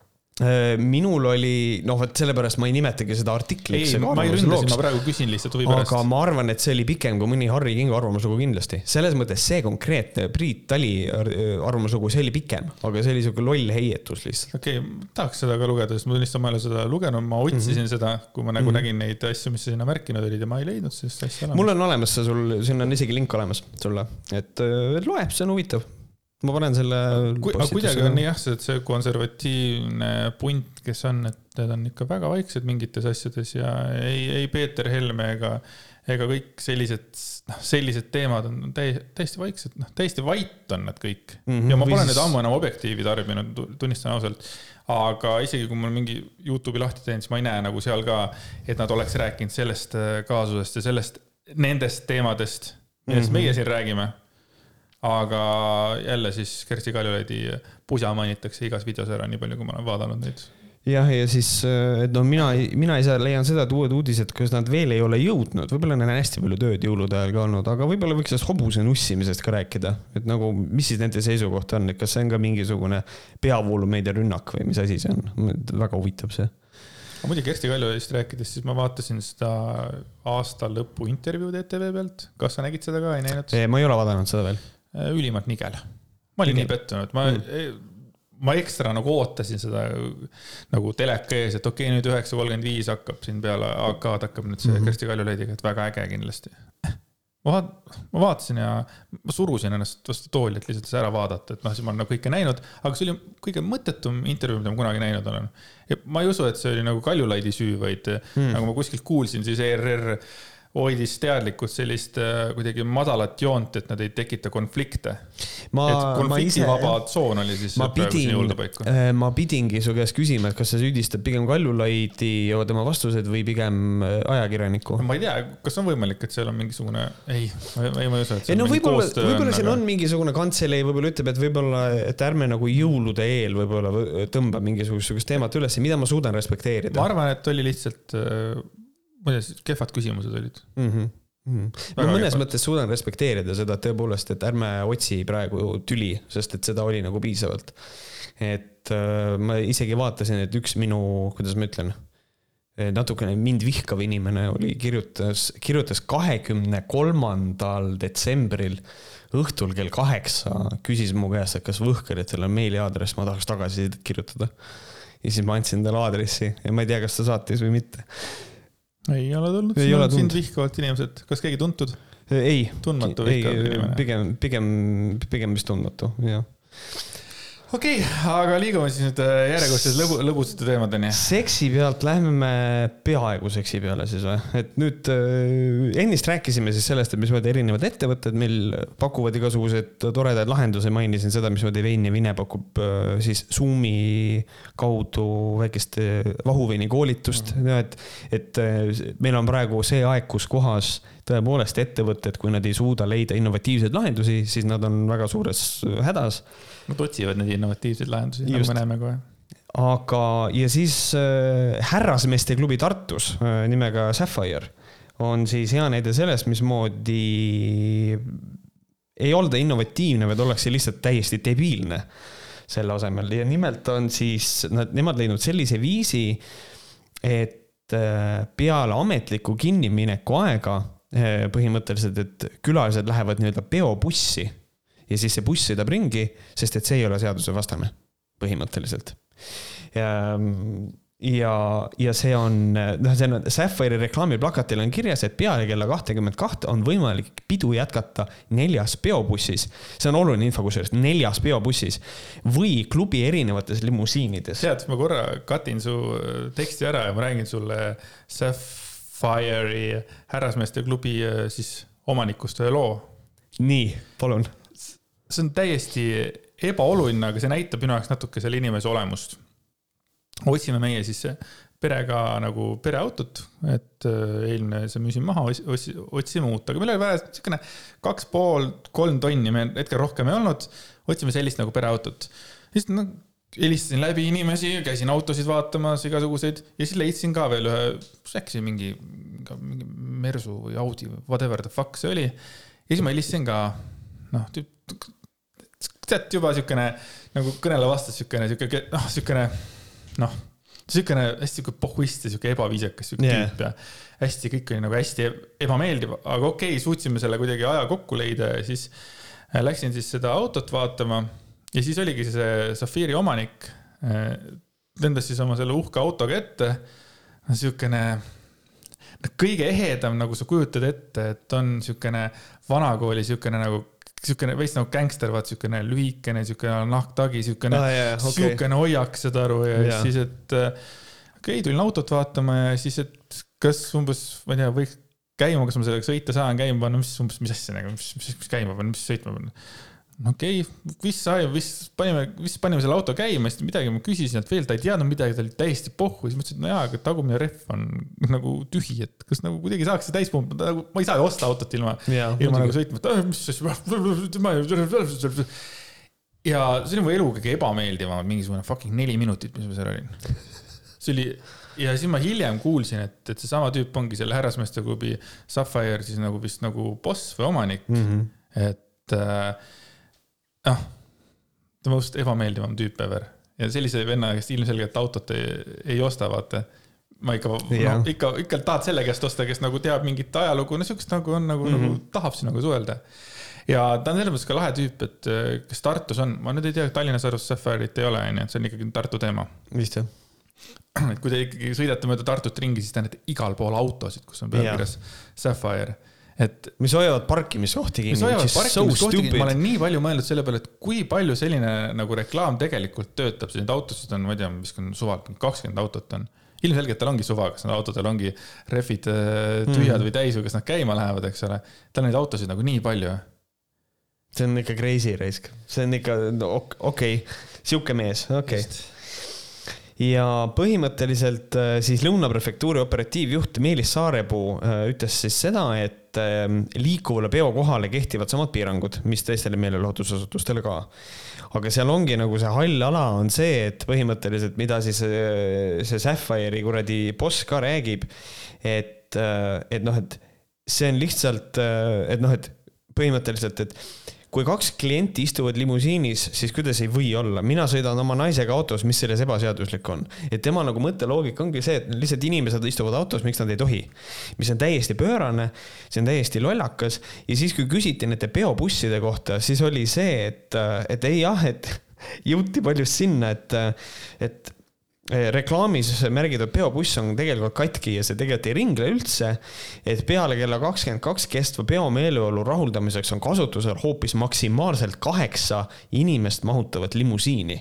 esiteks, sellel mehel on kaheksa limusiini. seda esiteks, aga teiseks okei okay,, peopuss ei sõida ka limusiinid, kuidas see nüüd parem on siis, nagu millest sa räägid? et kas see on nagu see probleem? ja siis, kui ajakirjanik küsis nagu, et noh, et et aga miks siis räägitakse, et miks räägitakse peopussist, kui tegelikult sellega ringi ei sõideta. ja nüüd on see oluline osa ja kuidas tehakse juttu neljast bussist, kui klubis märgitakse, et on üks ja ainus peobuss. ja siis selle peale ütleb Sapphire'i boss, et äh, no eks igaüks teeb reklaami nii nagu tahab. ja siis mina leian küll, et vot selle mehe võiks panna vangi ta on äh, jultunud. hästi jultunud sa rääkisid, ütlesid mulle kunagi, et äh, miks meil sinuga raha ei ole või? siis me ei ole munnid, vaata. meil ongi see, et noh, see on nii okse, noh. aga ma olen päris palju sellest Sapphire'ist, mis muide asus kunagi psühholoogiakliiniku äkki siis nagu peal või, et nagu keldris on Sapphire ja siis mm -hmm. äh, on kohe seal nagu põhimõtteliselt peal, et nagu, et ma olen pidevalt sealt nagu mööda sõitnud. ja ma olen mõelnud, et mis värk seal on, ma ei ole kunagi käinud härrasmeeste klubis, mis kõlab yeah. muidugi väga džentelmenlikult. ja see kõlab siukse kohana, kuhu teed ühe objektiivi fookuse, siis lähed härrasmeeste klubisse. võtad väikse mingi, mingi viski, whisky, vaat noh, kõige härrasmeeste klubi. no saad aru, härrasmehed istuvad suurte sigarettidega, sigaritega, mitte sigarettidega, sorry, sigaritega, pohvivad neid härrasmeeste klubi. siis keegi kunagi rääkis, et aa ei, et seal juba umbes sisse lähed, siis juba mingi ostad pileti ja siis juba mingi juba, juba keegi elab sul seljas, juba on nagu money, money, money, money, et mm -hmm. palju sellistes kohtades inimesed käivad siis? kui inimesel on kaheksa limusiini, tal on, tal on, ütleme lambis kaksteist autot mööda Tartut laiali, tal on mingi, kui ma ei eksi, tal on ka kaatri laenutus mm. -hmm. ja mingid asjad kas need on siis sellised asjad siis nagu? Mõtlen... siis kaatrid ka veel, arva, mõtle selle peale. jah, tal on kaatrid ka, huvitav, kas, nojah, talvel ei saa kaatriga sõita. Võib-olla võtaks paar stripperit, kes sõidaks kaatriga. Äh, aga eks ma arvan seda, et äh, noh, järelikult peab ju käima, kliente piisavalt palju ikkagi, järelikult peab käima, muidu ju ei oleks vaja ju äh, kui tal niikuinii selle käiks või on see, et tal on neid kliente nii piiri peal vähe, et ta peabki neid hoidma ja siis tema viis, kuidas seda teha, on, ma loodan, et sa kuulad seda saadet praegu, mitte luua veebikeskkond, kus inimene saab osta pileti ja veebis vaadata äh, materjali, mis võib olla tegelikult pornograafilisem kui see, mis seal kohapeal tehakse. Think about it, seal on su päris raha, siis selle asemel on vaja inimesi lükata limusiinidesse ja siis sõita mööda Tartu linna ringi, see on nii kummaline. see näitabki seda, et sa saad olla innovaatiline, aga sa saad olla ka mitte innovaatiline, sa saad olla risti vastupidi, aga kui sa ütled, et ta on nahktagiga, siis ta ongi üheksakümnendates kinni, mul on niisugune tunne. et nagu veits. aga see on tegelikult, see oli naljakas uudis, see oli naljakas uudis, see, et ja. lihtsalt ikka leitakse, mingisugused kelmid ikkagi leiavad selle mingisuguse asja, mille peale ise nagu ei tuleks. ma nagu ei mõtle nagu sinna suundagi kuidagi. see on jah, et, ähm, et noh, et neid lahendusi on, et on olemas siukseid uusi, issand kui äge, ma poleks siukse asja peale tulnud mm. -hmm. üliäge. ja siis on siuksed lahendused, et no ma ei oleks ise selle peale tulnud, aga see ei ole äge. et noh, et noh, mis ongi nagu, ma ei tule siukse asja peale sellepärast, et see ei ole nagu eetiline. et noh, siin ongi, et isegi kui see on nagu ääri-veeri kuidagi nagu seaduslik, mida ta teeb, siis nagu see on sügavalt ebaeetiline, aga nagu sinu tagasihoidlik kirjeldus selle mehe kohta, see eetika ei ole tal kunagi vist probleem olnud. sügavalt nagu pohhui Äh, liigume edasi sellise, ütleme siukse väikse uudisega, mille ma, mis võib-olla ei ole nagu võib-olla meie stiilis nagu teema, aga mida ma tahtsin siin nagu puudutada, mõeldes selle peale, et, äh, et nagu mis toimus jõulude ajal mm. -hmm. siis jõulude ajal pöörduti politsei poole nelja tuhande kaheksasajal korral. kokku käisid korrakaitsjad lahendamas sadat kaheksakümmend lähis, lähisuhte vägivalla juhtumist mm. -hmm noh, see ülejäänud jutt, see, et mingisugused on kuskil äh, kuusteist liiklusõnnetust, üksteist inimest sai vigastada, äh, kaheksakümmend alkoholi tarvitanud äh, inimest on siin Eestis, on ju. ja sada viiskümmend kiiruseületajat, noh, ma arvan, et kiiruseületajaks ei ole eriti raske saada, sõida kasvõi kuskil viiekümnel, seitsmekümnega. okei okay,, see selleks, me räägime saja kaheksakümnest lähisuhtevägivalla juhtumist mm. -hmm ja kusjuures mina. kohutav number. see on, see on väga palju, aga kusjuures mina võtaks just nimelt neid kiiruseületajaid siia. kiiruse ületamine on üks levinumaid. kui ma käisin nüüd viimati ERR-is ja siis me rääkisime mina, Karl-Robert Saaremäe ja siis rääkisime sellest, Grete Lõbu oli ka, et, et noh, mis on see kõige levinum seadus, mida inimesed võib-olla nagu rikuvad ja siis oligi, et noh, ilmselt see on kiiruse ületamine, et noh, seal oli meil üks küsimus, et, et mis oli viimane seadus, mida sa rikkusid ja siis me mõlemad nagu. ja siis, et noh, et eks see, eks see kiiruse ületamine on, et see on väga populaarne asi ja nüüd mõelge selle peale, et jõulude ajal kakskümmend neli kuni kakskümmend kuus detsember oli sada viiskümmend kiiruseületajat. ja perevägivald oli sada kaheksakümmend väljakutset. jõulude ajal oli perevägivalda rohkem kui kiiruse ületamist küll jah, tõsi, okei okay,, meil on äh, vähe, vähem autosid teel, aga see on nagu siiski minu arust nagu suht märgiline asi. et meil on vägi, perevägivald suurem probleem kui kiiruse ületamine. ja, ja ma sain aru, et siin isegi nagu ütles artiklis ka, et noh, et see on isegi on nagu hea aasta on tegelikult. võrreldes eelmiste aastatega, see on nagu hea aasta. ja siis me fuck. räägime fucking äh, kolme päeva jooksul sada kaheksakümmend perevägivalla juhtumit. Mul kogu aeg tekib küsimus, et aga miks inimesed on pere, kui nad teineteisele ei meeldi no sest, et see on hästi keeruline, keeruline suhtedünaamika on see. sul on olemas inimesi, kes andestavad, sul on olemas inimesi, kes on väga tugeva manipulatsiooni all, et see on, et nagu meeldigu see inimestele või mitte, paraku on nii, et see on pere ja seal sellised probleemid nagu on, et see on noh, kogu selle lähisuhtevägivalla nagu, et miks nad koos elavad ja miks inimesed ära ei lähe. see on jube keeruline teema üldse, millest rääkida, seal on nii palju erinevaid tegureid, võib seal olla, seal võib olla finantsilised tegurid taga, seal võib olla konkreetne see eh, sõltuvus ikkagi noh, teisest inimesest mingil muul viisil kui finantsiline hirm, eh, võib-olla kui ma ta maha jätan, võib-olla ta tapab mind üldse ära, eks ole, võib-olla ta teeb lastele midagi. see, see ei ole nagu asi, millega võiks ja peaks tegelema üks ka riik. ja, aga siis on ikkagi, ja, aga see ikkagi eeldab ju omakorda probleemiga tegelemist ja probleemiga tegelemine tähendab seda, et inimene annab kuskile teada, et tal on probleem, aga ka sellel võivad olla tagajärjed no praegu anti teada kolme päeva jooksul päris palju. See on jälle minu arvates üks, üks, üks teema nagu mis kuidagi lükatakse ka konservatiivsete äh, inimeste poolt lükatakse sinna kuhugile paremale ja räägitakse jälle sellest, et ikka abielu peaks olema mehe ja naise vaheline. nojah, ongi kolme päeva jooksul sada kaheksakümmend naist suure tõenäosusega saavad kolakat. ma tahaks teada ka seda statistikat, mis see perevägivald äh, tähendaks, seda siin ma nagu ei näinud. päris mm -hmm. huvitav oleks teada, et äh, kui nüüd jälle referentsi tuua sinna Virginia Woolfi gruppi, siis seal pidevalt nagu noh, küsitakse, et kui mingisugune asi juhtub, et siis on kirjas, et näed, et see pereema tappis oma mehe mm. -hmm. Mm -hmm. aga nagu enamasti ei ole kirjas, et nagu, et noh, et see mees blablabla bla, bla. ma tahaks ka teada, palju siin on tegelikult äh, seda, siin võiks ka kirjas olla, et kas sada seitsekümmend meest näiteks klopisid oma naisi või? see oleks huvitav jah, seda oleks huvitav teada. kindlasti on ka psühhopaatseid naisi, ma ei vaidle, kindlasti on mõni andis oma mehele kolakat, võib-olla see võis ka pere, pere. absoluutselt, noh, selles mõttes ongi perevägivalda on, on mõlemal suunal, küll reeglina rohkem äh, on, äh, on siis mehed vägivaldsed naiste vastu. aga noh, loomulikult see ei, see ei tähenda, et nagu selles mõttes see probleem on, on üks, et nagu selles mõttes on see, on, on see haige, et meil niisugune asi on. ma lihtsalt tuletaks teile nüüd meelde, kallid kuulajad, seda, et meil on Eesti Vabariigis, üks on praegu minister, üks on endine minister, me nimesid ei nimeta kaks vittu, kes teevad omaenda raadiosaadet äh, Isa ja poeg, ma nimesid ei nimeta ikkagi, sest et see oleks viisakas. aga kes... nad ei ole seotud mingi pedofiiliga kuidagi seotud? Äh, võib-olla, aga võib-olla ainult nimepidi ja, ja aga, ja põhimõtteliselt need on sellised inimesed, kes ütlesid oma saates seda, et perevägivald ei ole Eestis probleem, et see on üles puhutud teema. meil oli põhimõtteliselt kolme päeva jooksul sada kaheksakümmend lähisuhte, lähisuhtevägivalla juhtumit see on täiesti uskumatu, et meil on sellised inimesed riigi eesotsas, see on haige ja ma ei kujuta ette, kuidas me saame sellise, või tähendab, ma võtaks selle kokku lihtsalt kolme sõnaga. Fuck this country.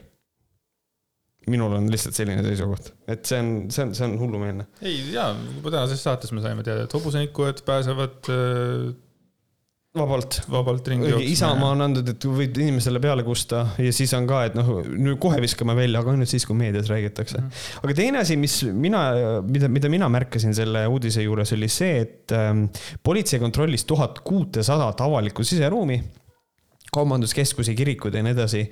ja tervise kaitsmiseks jagas politsei inimestele üle kolme tuhande neljasaja maski mm. -hmm küll jah, eh, see lause, et jagati üle kolme tuhande neljasaja maski, see number võis olla ka kaheksa tuhat sellisel juhul, eks ole. aga, aga tegelikult ma kujutan ette, et seal kolme tuhande neljasaja kandis oligi. mis põhimõtteliselt näitab mulle seda, et tegelikult meil neid maskivastaseid on tegelikult jube vähe. et meil on sotsiaalmeedias on lärmi hästi palju äh, no see on see nagu selline. millest sa seda praegu? häälekas vähemus on nagu, sest ma järeldan seda sellest, et politsei jagas inimestele circa kolm tuhat nelisada maski ainult. Kui me vaatame seda, et nad kontrollisid tuhat kuutesadat avalikku siseruumi, siis see tähendab seda, et keskmiselt umbes nipet-näpet igas ruumis, mida kontrolliti, oli ainult kaks inimest, kes ei kandnud maski ja okay., ja osa nendest täiesti raudselt unustasid omale maski ette panna, ma olen ise ka, mina olen see, kes läheb poodi, läheb, läheb poest koju tagasi. ma olen seda teinud, et ma põhimõtteliselt äh,, ma lähen poodi, ma olen poes ukse taga juba ja siis mul tuleb meelde, et mul ei ole maski ees ja siis ma lähen koju tagasi, võtan maski, lähen uuesti poodi. aga mõned inimesed ei tee seda. nagu, mille, mida ma suudan inimesena tegelikult mõista, eks ole. et ma suudan, mina näen seal küll nagu puhtalt seda, et meil on neid maskivastaseid tegelikult väga vähe. tegelikult, mina ise tunnen seda. okei okay ma arvan, et see on hea loogika, et palju see inimeses, palju inimesi võib olla siis selles ühes mingis kohas? ühes ruumis keskmiselt siin oli vist, äh, või sa mõtled, palju inimesi üldse ruumis, ruumides võib olla? ei, ma mõtlengi, et palju seal võis olla keskmiselt siis, et sa arvutasid selle kaks välja? umbes, noh, kolm tuhat nelisada, niisugune vähemalt kaks inimest on igas siseruumis ma olen hakanud selle teise asja peale mõtlema, et nähes igalt poolt ka pilte, videosid, kui palju need, jah, mitte ainult pilte, videosid, vaid ka poest tulles ma nägin, kuidas äh, prügikastis, prügikasti kõrval oli mingisugune seitse maski lihtsalt Selveri kõrval mm. -hmm. see maski asi on ikka ka fucked up teema, see, kuhu jah, need maskid nagu lähevad ja. sellest on räägitud ka palju, seda on näha, et, et nagu need maskid on nüüd meil ookeanides ujuvad igal pool. aga ma ikkagi tuleks korra veel tagasi selle juurde, et sa ütlesid, et sa oled poodides käinud. kui me räägime sellest maskivastasusest, siis mina näen poes seda, et inimestel on maskid ees ei, ma saan aru, aga prügikasti kõrval, esiteks on küsimus, miks need prügikasti kõrval maanduvad ja siis omakorda no, maanduvad veel kurat teab kus kohas, eks ole. et inimene on nii tark, et ta paneb maski ette, aga. see on päris rõve tegelikult äh, reostus, mida me siin nagu inimkonnana praegu nende maskidega mm. teeme, et see ühekordsete maskide asi, ma ei tea, kuidagi, ma ei tea, ei saa öelda, et tuleks ära keelata, aga see ei ole okei okay. aga mõtle, kui palju seda päevas tuleb äh, fucking maailmas me ja. lihtsalt ei kujuta sinuga elu sees ette tegelikult, kui suur see virn on, mis äh, satub kuradi Google'i loodusesse. mina olen niisugune väikene, niisugune loomasõber, et, et mul on ka hästi valus vaadata kogu, seda asja. no muidugi, ei, ma saan sellest aru, no sel, see ongi nagu see, et praegusel hetkel on see põhiline fookus on äh, sellel viiruse peatamisel ja siis nagu nagu paljude muude asjadega, see lihtsalt võtab fookuse selle looduse osa pealt ära. et nagu selles mõttes minul on ka, mul on kodus mitu, mitme nagu maski, mis on kas siis riidest või mingisugusest sihukesest asjast, et saaks mitu korda kasutada. et tõsi, et noh, mina ka eelistaks seda, et ei oleks ühekordsed maskid, aga, aga me saame loodust aidata nüüd keegi võib mulle loomulikult kohe vastu vaielda ja, ja tal on õigus. me saame loodust aidata nii palju, kui inimene on suuteline seda tegema, siis kui me välja ei sure, eks ole. ja me suudame ennast kaitsta, aga loomulikult võib keegi öelda, jaa, aga kui me välja sureme, siis on ka loodusel parem. et noh, selles mõttes, kui me vaatame seda, mismoodi Hiinas pandi esimese laine ajal tootmine kinni, siis tegelikult see oli loodusele väga kasulik. et ähm, et põhimõtteliselt, et äh, kindlasti on üleskutse, et palun pange asjad prügikasti, et ärge nagu päris loodusesse visake. küll jah, selle prügiga on vaja pärast ka tegeleda, eks ole, aga, aga no vähemalt nii palju võiks nagu vastu tulla. või kasutada maski, mida saab kasutada mitu korda. mida prügi, mida prügiga nagu tehakse, ma tean, et ma olen näinud ka videosid, kus neid nagu sorteeritakse nii okei okay,, sorteeritakse mingid asjad välja, aga mingi asi läheb siis nagu põletusse, on ju. mingid on põletused. aga kuhu on... läheb siis mingi asi, mida ei põletata? see on huvitav asi, oleks ma teadnud, et sa seda küsid, ma oleks võib-olla sellele kuidagi ette valmistunud aga eks ta vist on niimoodi, et ähm, mida saab uuesti käidelda, seda kuidagi käideldakse, lükatakse uuesti ringlusesse nii palju kui võimalik, aga eks mingi ladustamine ja sihukene asi käib, ümbertöötlemine milleks täpselt, see on, see on hea asi, see on vaja välja uurida mm.. sellepärast, et noh, tegelikult see on meie kui tarbija koha pealt on see tegelikult väga suur pläkk, et me ei tea seda, mida tehakse meie ülejääkidega tegelikult. see on ka kuulajatele tegelikult selles suhtes. ma nägin Facebookis ühte väga selles mõttes õnnelikku ja kurba videot samal ajal, kuna mul jooksevad feed'i mingid loomade asjad, siis eh, seal oligi mingisugune prügi sorteerimine käis ja järjest siis ütleme, sorteeriti, sorteeriti, sorteeriti, siis üks vend võttis siis ühe nagu väikse kotikese tegi selle kotikese lahti, see oli väike koerapoeg. Elus mm., elus, selles elus. mõttes oli see nagu äh, noh, õnnelik õnnetus, et ta oli mingisugune kaks sekundit ja ta oleks olnud disposal'is äh, seal niimoodi. ja, jah eh,. et noh. inimesed on südametud, mõned jah see on nagu, et, et see on nagu crazy, siin oli. see, see, on, see on, see on nii jube teema, et tõesti tahaks kuidagi, ah. jah. sellised, nagu sellistel inimestel tahaks no, mina... haiget teha, kes nagu loomadele haiget teevad mul on nagu, mul on selles mõttes sama, et ma nagu, mina teadus, nagu teadlikult äh, peidan ära oma igasugused siuksed mingisugused haiged loomad oma selle, mis on mõnes mõttes see, et ma panen selle info enda jaoks kinni, aga mul on lihtsalt erakordselt ebameeldiv vaadata, kui keegi on jälle mingi, vaadake seda koera peksti. jaa, ma ei saa ka, see on, see on mhm. tohutult mm -hmm. jube, ma, ma olen nagu sina, ma tahan ka pigem panna selle pea liiva alla et mitte näha, aga sihuke, minu arust on Facebookis leht, mingi Dodo nimeline leht ja sealt tuleb jah. mingisuguseid nagu nunnusid asju jah, jah, jah, kuidagi see sinna, lihtsalt see on jube. Aga rääkides prügist ja nagu inimprügist, siis võib-olla lähme nüüd äh, minu lemmikuudise peale või noh, see oli asi, mille peale ma olin ikka erakordselt pissed off, oli nagu see, et äh, sotsiaalmeedias tehti uus rekord siis Eestis. Äh, ja see on loomulikult seotud siis valeuudisega või nagu valeväidete esitamisega see, mismoodi vaktsiin ei ole päris ja et ähm, see inimene, keda siis oli Eestis esimene, keda vaktsineeriti, et teda päriselt ei vaktsineeritud ja seda siis sellepärast, et on erinevaid pilte, kus kohas talle nagu tehakse süsti, aga tal on kostüümi erinevus, et tal on sall ühe pildi peal ja teise pildi peal ei ole. ja siis ma tundsin ennast küll nagu kuidagi kasutades Märt Avandi asja, mida tõlgendati valesti, ta ei ole kunagi seda nagu otseselt minu arust ikkagi öelnud. aga mina ütlen selle siinkohal välja, et mul on nagu piinlik olla eestlane, et nagu olla selles positsioonis, et vaadata pealt, mismoodi terviseamet peab reaalselt Facebookis selgitama, et kaamerameestele, fotograafidele mängiti olukord läbi, et kõik teaks, kuskohast pilti teha, kuidas see välja näeb ja kuidas kaadrit sättida. mis on, ma saan aru, võõrastele inimestele, kes ei puutu meediaga kokku ja kes ei ole teinud kunagi ühtegi filmi ega sarja, ega nad võib-olla ei tea seda. aga see on tegelikult väga tavaline. mul Twitteris ka väideti, et oh, siin on tehtud niimoodi, et et ei olnud vaja mingit proovi teha, aga tehakse väga palju. seda on ka Delfi oma faktikontrollis välja toodud, mismoodi Nancy Pelosiga tehti igasuguseid neid foto, noh, pandi nagu nurka paika, sellepärast et siin on väga ilusasti on tegelikult välja toodud, et see on, tegu on ajalooline, see, see on Eesti esimene inimene, kes saab koroonavaktsiini, esimene.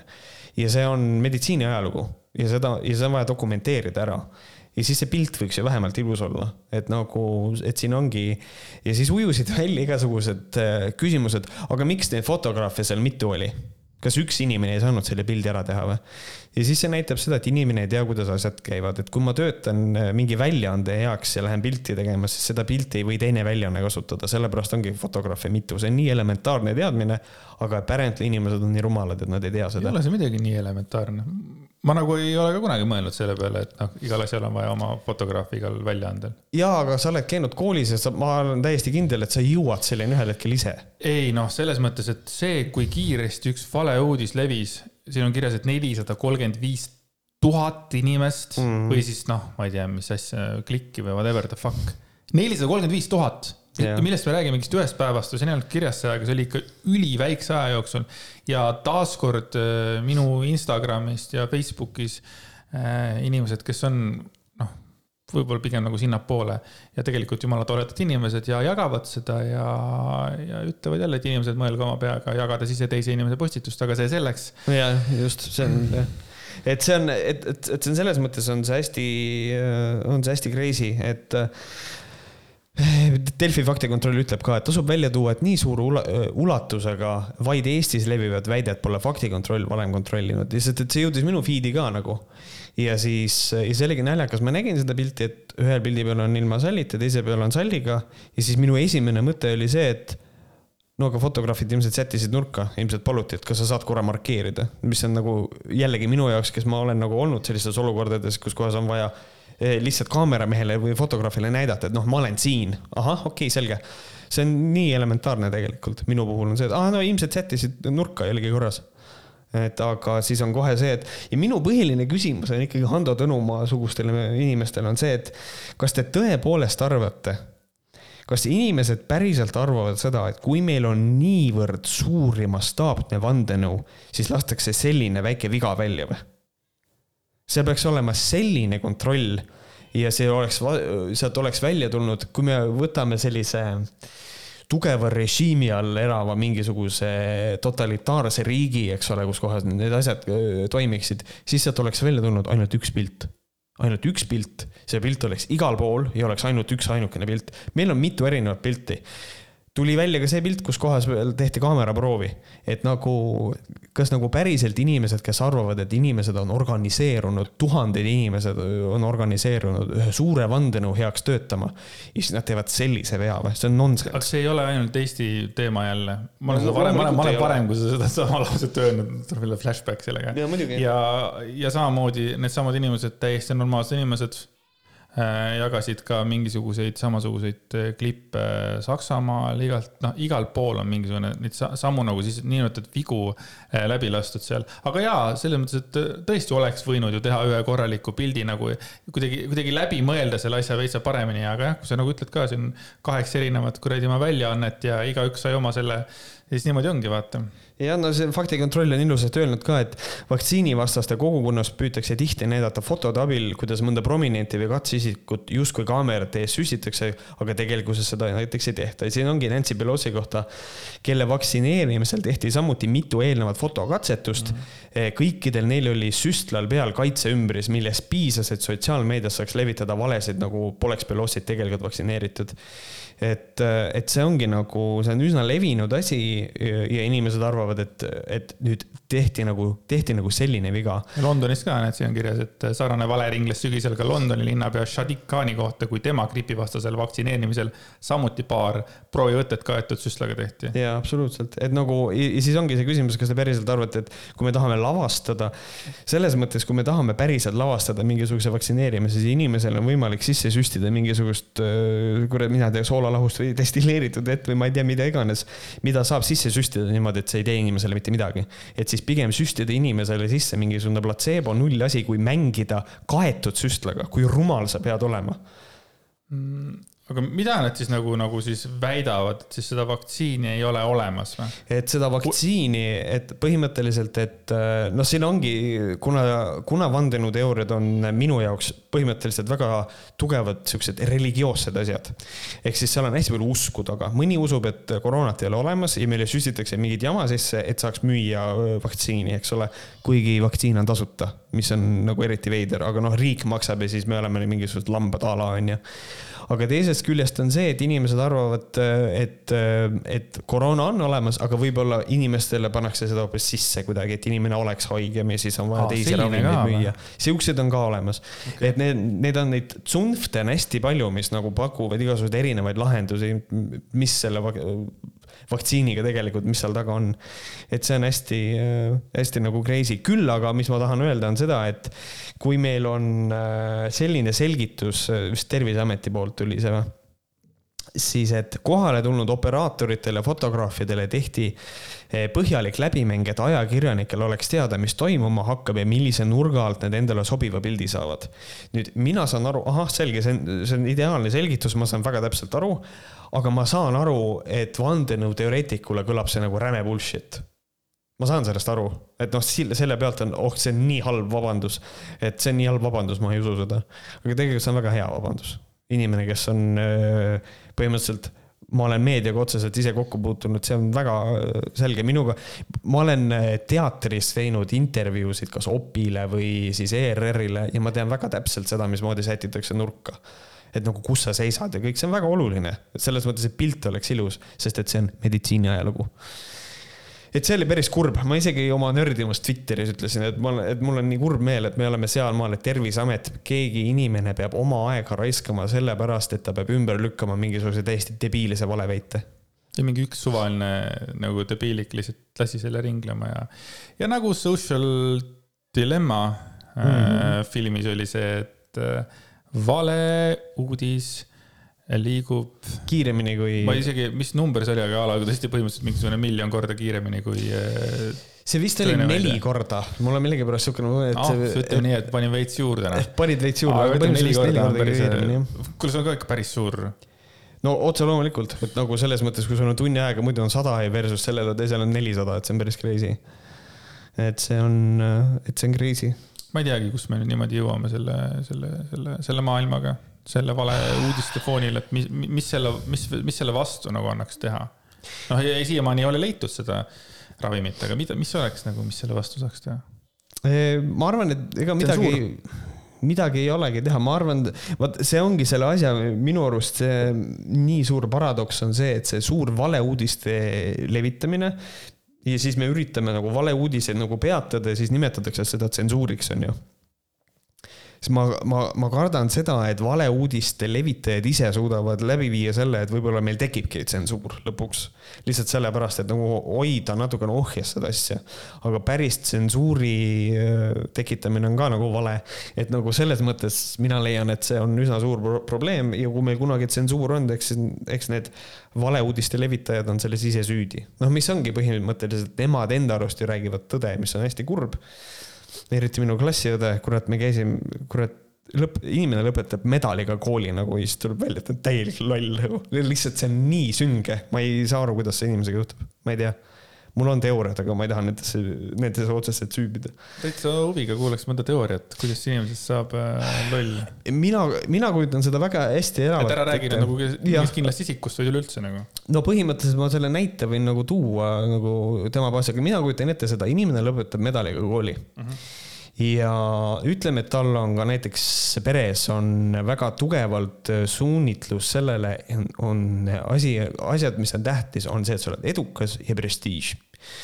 ja siis saadetakse inimene selle nimel lausa välismaale õppima ka mm. -hmm. ja. kõik tahavad seda teha, kes tahavad elust kaugele jõuda? Äh, noh, millegipärast on, noh, no mõnedel inimestel on prestiiž, see on lihtsalt üks näide või saadetakse mingisse hästi kõvasse kooli. aga siis tuleb välja see, et koolis et, ähm, et sa oled õpikutark. sa oled endale õppinud, sa oled tuupinud endale head hinded, mis on võimalik. aga sa ei ole loonud korralikke assotsiatsioone oma peas, sa ei suuda mingisuguseid teatud oma fakte seostada mingisuguste asjadega. ja ülikoolis see võib äh, kaasa tuua selle, et sul ei lähe ülikoolis hästi või siis sul ei lähe nii hästi, kui sa arvad, et sa väärid, on ju. ja siis tekib see süsteem, mis on ka väga paljudel vandenõuteoreetikutel, haridussüsteemis oleks hästi pettunud. et haridus programmeerib inimesi ja nii edasi mm, -hmm. kuigi tegelikult on see, et nad on lihtsalt, äh, nemad ei ole suutnud kasutada ära oma potentsiaali äh, Nad, neil on jäänud haridussüsteemist mulje, et kui ma tuubin endale häid hindeid siis ma olengi edukas, aga see ei ole tegelikult niimoodi. sa pead, sa pead olema suuteline oma peaga mõtlema ja lahendusi ka looma. ja, ja siis kukutakse nagu kõrgemas seal ülikoolis, saadakse aru, et ma ei oska ja siis tehakse see järeldus, et mitte see, et mina teen midagi valesti, aga see on institutsiooni viga see, see kool eh, kuidagi hoiab mind tagasi või nagu süüdistatakse kooli mitte sellest, võib-olla mingisugust enda metoodikat või ei küsita abi ka ja siis leitakse see nagu järeldus, et see kool ei ole mulle. ja tullakse sealt koolist ära ja siis sa oledki kuidagi pannud ennast sellesse positsiooni, et sa hetkekski ei ole nõus enda sisse tegelikult vaatama. küll need igasugused spirituaalsed kristalliinimesed üldse nagu neil väga meeldib rääkida sellest, et ei, ma olen hästi rahulik ja kõik, aga tegelikult nad kogu aeg tegelevad välisteguritega. see inimene annab mulle halba energiat, tema on süüdi, mina hoian ennast puhtana, aga teiste inimeste halb energia on see, mis mind mõjutab. see on päris hea. see on sügavalt egoistlik ja iga inimene, kes ütleb seda, et eh, kõik probleemid tulevad teiste inimeste negatiivsest energiast, ma võin käsi südamel öelda, probleem on sinus, kallis inimene, mitte kellegi teise halvas energias. ja ja siis sellises egoismis minnaksegi sinna äh, nagu minu arust liigutakse nagu selle suunas, et, äh, et noh, kõik need, kes tulevad sellest haridussüsteemist, nemad on nagu halvad inimesed, halva energiaga, eks ole. ja nemad ajavad mingisugust kummalist agendat ja samal ajal kõik need, kes on äh, jätnud oma koolitee pooleli, siis aga need inimesed leiavad siukest, siukest tõde, et vaadake ka Bill Gates, kurat, et võib-olla ta ikkagi süstib inimestele mikrokiipi sisse ja siis me jõuame selle sotsiaalmeedia valeuudiseni, et need levivad nagu kulutüli. ja kui ma guugeldan, äh, et vaccines cause autism, siis ma näen, et keegi on teinud veebisaidi äh, vaccinescauseautism.com näiteks, eks ole. ja siis ma loen sealt ülikallutatud asju ja teen omad järeldused ja siis, äh, kes sellele vastu vaidleb, on teaduslik maailm ja haridussüsteem põhimõtteliselt, aga need on ju need, kes on ju mulle valetanud, mulle kui inimesele on ju. ma ju ei saa neid usaldada ja siis ma usaldangi seda alternatiivmeediat. see on minu tagasihoidlik hüpotees lihtsalt, kuidas see asi töötab. see on jälle nii hästi läbi mõeldud, et, et äh, äge mul ei ole kodus teha mina, midagi. mina, mina vaatan sind ja ma usun sind, mis sa räägid. mul ei ole kodus teha midagi, siis ma lihtsalt. ma arvan, et ikka meil tuleks see kuradi maa erakond ikka teha. sa oled nii hea, sa oled nii hea jutumees lihtsalt, et uh, uskumatu. ma ei, jah, ma ja siis saaks, äh, siis saaks hea palga peal olla, vot see äriplaan nagu oli äh, Helmetel ka, et jumala hea palga otsas istud, kuluhüvitisi on jumala, jumala okei okay. ja, ja, ja mida sa pead tegema seal? tegelikult mitte midagi, nõunikud teevad ministritöö ära kodus võis naist peksta ja siis öelda, et tegelikult see ei ole Eestis probleem. sa võid hobustega seksida see on jumala okei okay.. erakonnast välja visata, võid hobusele pärast peksa anda ja peale ka kusta. isamaa ütleb ka, väga hea, Helir, Helir, tal on pohhui. et see on. Ra Raivo Aeg üritab prussakaid tappa. jah Äh, ma olen märganud ühte asja veel, mis on konservatiividel äh, pinnuks silmas, on need äh, asendusliikmed või see mingisugune teema, mis sellega on, vaata kui Imre Sooäär sai eh, nüüd sisse mingisugune yeah., et siis ta oli saanud kolmsada pluss häält, onju. ja siis see noh, Isamaa vend ka, kes vaidles seal vastu, kuradi uh,. ta igatahes sai ka seal mingisugune. Kiisler või? Kiisler just jah mm., sai ka mingi kolmsada häält. ja minu arvates seda asja hakkas ajama Varro Vooglaid ja ta tampis seda mitmeid saateid igal pool, nii Vooglaid versus Lobjakas ja saadetes, et see, et noh, need ei ole mingid õiged vennad, et need, nendel ei ole oma mandaati, keegi ei ole neid valinud, nad tulevad sinna kolmese häälega, ärplevad ja nii edasi. ja nüüd ma avastasin, et uued uudised räägivad täpselt sama jutt, juttu. kui suur äh, nagu mõjuvõim on Varro Vooglaidul no, kui tema jutust nüüd hakkab äh, nagu terve nagu tegelikult uued uudised sama juttu ajama. jah, muidugi ärme unustagem seda ära, et Ruuben Kaalep sai Riigikokku ka väga väikese häälekogusega, mis oli ka väga veider, aga noh, see on selles mõttes. kas, kas me mitte ei rääkinud sellest, kes ministriks sai, kas see Martin Helme äh, parim sõpa kooliajast, kes mm sai Võrus kolm häält või mida iganes. ja mingil põhjusel keegi kunagi Varro Vooglaiule seda nagu meelde ei tuleta. ma kogu aeg, iga kord, kui ma kuulan Vooglaidu ja Lobjakat, siis ma tahaks nagu Lobjakale öelda, et kuule, et kolmas saade juba ütleb, räägib sulle seesama jutt, et tuleta meelde, et siin, et mis toimub seal. Helme sõpa sai kolm häält ja tema karjub kolmesaja peale. aga noh, see selleks ja võtame selles mõttes järgmise teema, et üks inimene, kes võiks olla Eestis kõige respektitum inimene, Ülle Madise, on huvitaval kombenud, huvitaval kombel nagu valitsuse kuidagi nagu vastane mingite asjadega. oled sa märganud viimasel ajal? no selles mõttes, kuna ta on õigus, õiguskantsler, siis ta nagu, see on mõnes mõttes ka tema töö, on kritiseerida teatud otsuseid, mida valitsus teeb ja kui me võtame selle, kui palju, milline on meie valitsus, siis väga keeruline on olla mitte valitsuse vastane. aga, aga, aga, aga, aga Ülle Madise on ka see, kes tegelikult ju kogu aeg on nende koroonapiirangute vastu, nii et pigem ta on natukene ka sinu vastu siis äh, olnud oma, oma, oma, oma loogikaga, ma olen märganud äh, ma ei tea, kas ta on otseselt minu vastu, noh, põhimõtteliselt on see, et tema nagu väga tugevalt ajab seda seaduses äh, sõrmega järge, noh, mis on jällegi, see on tema töö. Et, äh, et jah, tõsi, et siin on see, et natukene ei saa aru, miks inimestele lubata sporti teha, et äh, et jah, aga noh, samas Ülle Madisel on väga keeruline ka vastu vaielda kunagi, sest et kui, kui ta näitab mulle näpuga seaduse, vaata seaduses on niimoodi ja see on tema töö, siis mul, mul ei ole nagu see, no jaa, aga common sense ütleb, et siis noh, siin ei ole seost common sense'iga, vaid siin on see, et mis on seaduslik ja mis ei ole mm. -hmm. ma lo loeks nüüd mõned äh, lõigud ette, mis mulle nagu tema poolt kirja panduna nagu tekitasid kuidagi, ma ei tea, huvi Äh, kahju, et harrastusspordi ega laste ja noortespordi jõulist poliitikuid ja teadusnõukoda veenda suutvat eeskõnelejat ei ole. minu jõust ei piisanud. saatsin isegi tühja kergejõustikuhalli pildi, seletasin, kuidas töötavad jäähall, ujula ja jõusaal. seletasin, et reegleid täites on nakatumine välistatud. kui keegi kuskil rikub, tuleb karistada rikkujaid, mitte kõiki teisi. Keelajaid see ei veennud, kommenteeris õiguskantsler Ülle Madise Facebookis Riigikogu liikme Jürgen Ligi seinal postitust. Madise tõdeb, et spordiklubide sulgemise keeld lööb väheseid ja selles ilmselt ongi põhjus, miks need kinni lähevad äh,. kuidas selline kus see loogika on, et äh, spordiklubide sulgemine, keeld lööb väheseid? ta ei löö väheseid ju ma arvan, et äh, suuremas mastaabis lööb väheseid ikkagi, kui me võtame kogu selle. noh, sa võid mulle muidugi vastu vaielda selles mõttes, et mina räägin nagu mitte sportiva inimese seisukohast, et mina kujutan ette, et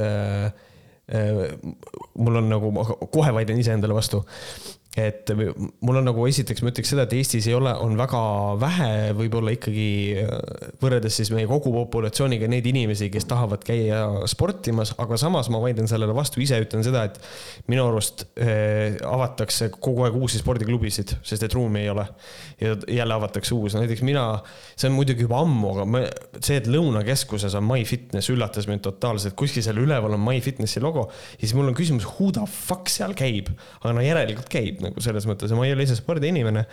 et ma mõnes mõttes on minul nagu see, et kuna ma ei ole ise spordiinimene, siis ma ei tea, kui suur see kontingent on, kes nagu pihta saab. no see on ikka ülisuur, nagu ma aru saan, siis kui seal võrreldakse, mis spordiala harrastajaid on kõige rohkem ja siis mingil põhjusel, no ütleme, kui jalgpallurid loetakse jalgpalluritena ja korvpallurid korvpallurid, siis äh, nagu need, kes tegelevad kulturismiga mingil põhjusel pannakse kõik need, kes jõusaalis käivad, pannakse sinna alla, et nagu kulturismiga tegelejate hulk on kõige suurem, kuigi tegelikult on see, et inimene on tavaline jõusaali harrastaja.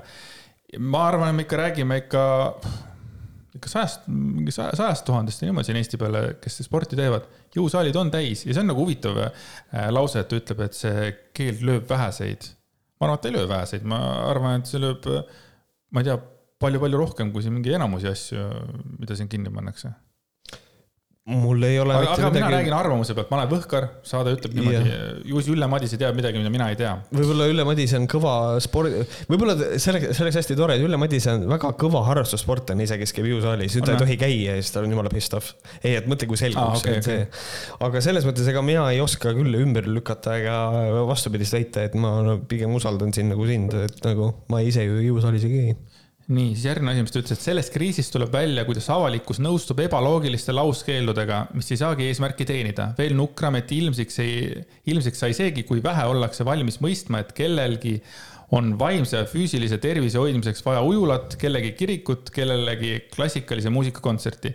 see, et enda jaoks pole miski oluline, ei tähenda, et teistele ka ei saa olla mm. -hmm. siin on kohe paar asja, mis mul nagu see viimane lause mulle õudselt meeldis, see, et enda jaoks pole miski oluline, ei tähenda, et teistele ka ei saa olla. no vot, mina olen praegu hea näide. päris tihti. jah, mina mis... olen praegu hea näide, vaata, mina ütlesin ka, et noh, ma eeldan, et meil ei ole sportijaid palju, aga see on sellepärast, ma ei käi vaata ise tegemas. et selles mõttes, et, et, et otse loomulikult, et küll aga ma olen Madisega nagu selles mõttes väga nõus, et tõepoolest peaks olema mingi eeskostja sellel valdkonnal otseselt. sest et noh ikkagi ju võiks olla. Mul tuli kiisu tuli tuppa. Äh, aga mis siin äh, oli see, et sellest kriis tuleb välja, kuidas avalikkus nõustub ebaloogiliste lauskeeldudega see lause on jälle selline hästi nagu vastuoluline, et see, see veits läheb siukene telegrammi no, äh, nagu, nagu, nagu maailma, et mis ta et, nüüd nagu öelda siis tahab nagu? Telegram võib sellest kohe kinni võtta ja teha mingi omapoolse asja, et, et nagu näed, Ülle Madise on meie poolt, mida ta tegelikult on juba ka teinud, mingisugune mm -hmm. tema väljaütlemine oligi, et isegi Ülle Madise ütleb, et et noh, see on mingisugune. jah, see ei ole ainult Telegram, see on sama Objektiiv ja kõik need ülejäänud. nüüd nad siis kommenteerivad Ülle Madise, kõik see, mis nagu meeldib, see on nüüd nagu okei okay.. ja, ja Jürgen Ligit ka on hakatud muide Äh, nagu nüüd äh, kuidagi austama, sellepärast et nagu. see, see ongi, see on hea näide, mis asi cherry picking on see, et ma võtan kõik selle, mis mulle sobib ja siis selle, räägin ainult sellest. ja nüüd äh, ma loen ette sellise lause, mis, mille Jürgen Ligi varastas sinult. ta kuulas viimaseid Võhkareid kuule nüüd, Jürgen Ligi pööras oma postituses tähelepanu sellele, et Maailma Terviseorganisatsiooni kinnitusel ei talu koroonaviirus kloorivett ega seepi, samuti on ventilatsioon ujulates hea. seetõttu mm. ei mõista ta otsust sulgeda näiteks ujulad. see oli see, millest me rääkisime eelmine yeah. saade ja sa yeah. ütlesid mulle ka, et, et klooris ja mingi kõik see asi, et, et see on täpselt sinu sõnad kusjuures, mis mulle väga meeldis, oli see, et eelmises saates minu, minu abikaasa veel rääkis mulle ühest äh, väikesest ebaloogikast, mis, äh, mis nagu toimub, et äh, see oli siis, kui ujulad võisid lahti olla. et trenne ei tohi ujulas teha, trennid olid keelatud, aga ujulas võis käia ja kui sul juhuslikult oli treener sealsamas lähedal, siis ta võis sind juhendada, et selle vastu ei olnud mitte midagi, saad aru mm? -hmm. see on täiesti nonsense no mulle meeldib see, et su naine kuulab meid no kas ta ikka kuulab või? ikka aeg-ajalt, muidugi. tore, et ta kuulab. see on, meil on, meil on, meil on igat kuulajat vaja, me peame hoidma oma mm -hmm. kuulajaid. ja mis me siis veel, äh, võtaks ühe viimase lause veel Madise poolt, et äh, õigusriigi, õigusriigis olnuks kohane piirangute rikkujad korrale kutsuda, mitte valimatult karistada neid, kes suurima hoolega nakkusohtu vältisid. koostöötahe võib nõnda kaduda mm. -hmm. ja see on üks ilus äh, mõte tegelikult jah, tegelikult küll. üleöö tehakse mingisuguseid lihtsalt selliseid otsuseid, et äh, ma ei tea, ei, noh, mul on ka raske nagu tegelikult öelda, mis on nagu õige, mis on vale, et noh, tundub, et kogu maailm on selles mõttes veits nagu omadega sassis, et äh, keegi ei tea, mis on see õige, kõik, kõik proovivad neid samu asju, astuvad üsna, üsna tihti ka samade asjade otsa ka tegelikult, onju et eks, eks meil see probleem nimelt ongi, et meil on, äh, me ei ole kunagi enne selle koroonaviirusega kokku puutunud ja me ei tea seda nagu viimse grammini siiamaani, et nagu see paneb meid kõiki sellisesse olukorda, aga ma loodan, me kõik vähemalt õpime sellest midagi. ja nagu mulle meeldis väga, ma lugesin mingit äh, pealkirja, nägin, et et see koroonapandeemia ei ole meil viimane pandeemia, et need on kindlasti veel tulemas, et noh, et vähemalt me, me loodame, et meil on midagi, mida õppida sellest. vandenõuteoreetiks, teoreetikus, kust te teate, kas see on juba jälle planeeritakse uut äh, ja. pandeemiat? just, kas planeeritakse uut pandeemiat ja siis öeldakse ette, et see tuleb, et see on jah, niisugune ja siis selle kohta öeldakse, aga see ongi see programmeerimine, et siis ei üllata meid nii palju no,, mingi niisugune nonsense mm no vot, äh, võtame selle viimase teema hästi, hästi lühidalt. Äh, ma ja. tahtsin, ma tahtsin lihtsalt öelda, et mulle meeldib tohutult Sveta Grigorjeva. Äh, jah, sellepärast, et ta on mulle, tore. mulle kuidagi tundub, et kõik, mis ta räägib ja igal pool, kus ta esineb, ta kuidagi võlub mu ära ja ta on nagu räägib jube tarka juttu peale selle, et ta nagu räägib seda hästi sümpaatselt ja ta on nagu. ma olen, ma olen täielik Sveta Grigorjeva fänn, ma tunnistan ausalt. mina lugesin mingisugust Ivan Makarovi asja ja kui Ivan Makarov on see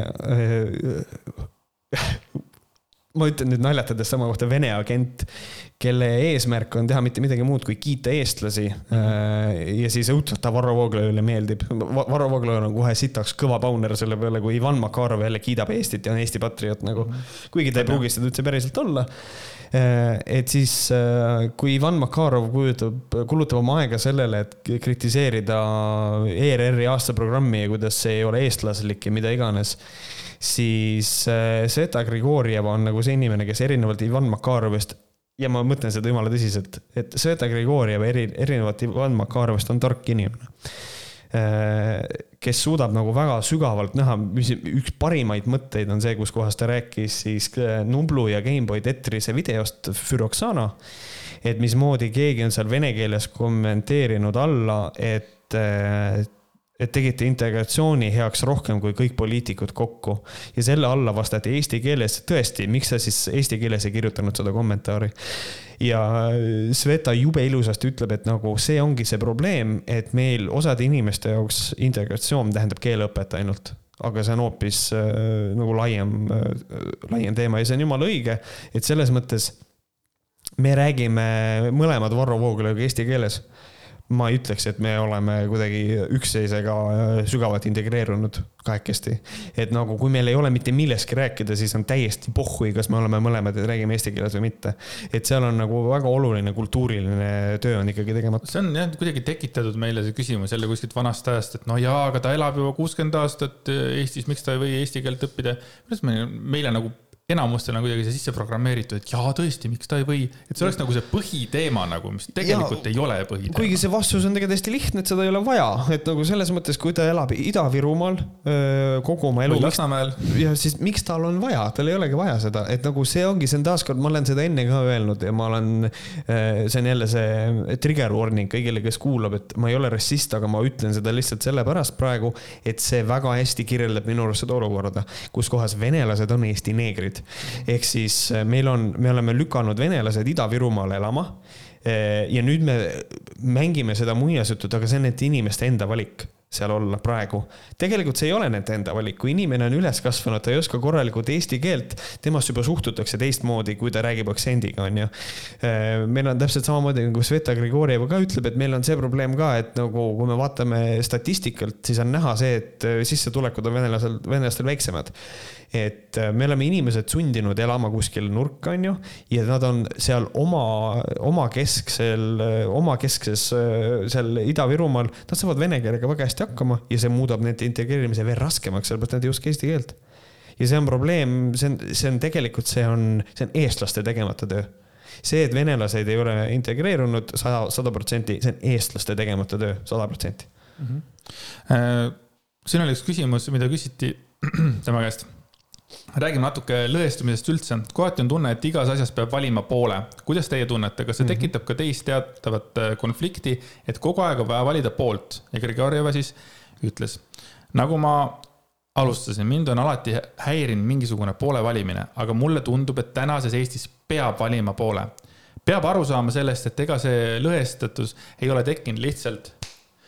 Äh, meil on juhtunud lihtsalt selline asi, et me oleme alati arvanud, et Eesti on selline progressiivne ja edukas riik tegelikult, mida need populistid minu arvates täiesti tänuväärselt näitasid, et Eesti ei ole kunagi olnud nii progressiivne ja edukas, kui me oleme siiani arvanud. ja meile ehk meeldis see nii arvata ja ma arvan, et see on hea, mida on tehtud.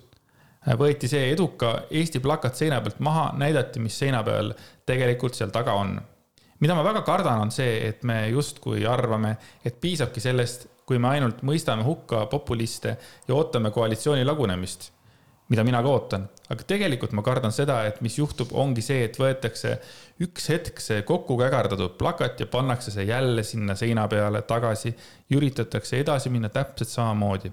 me peame minema tagasi ajas ja vaatama, et kus tegelikult valesti läks just jah, see nagu väga-väga raske on mitte nõustuda, ma pean tegema mingit väga kõva mentaalgümnastikat, et mitte nõustuda sellega, et, äh, et noh, tegelikult meil ei ole kõik hästi.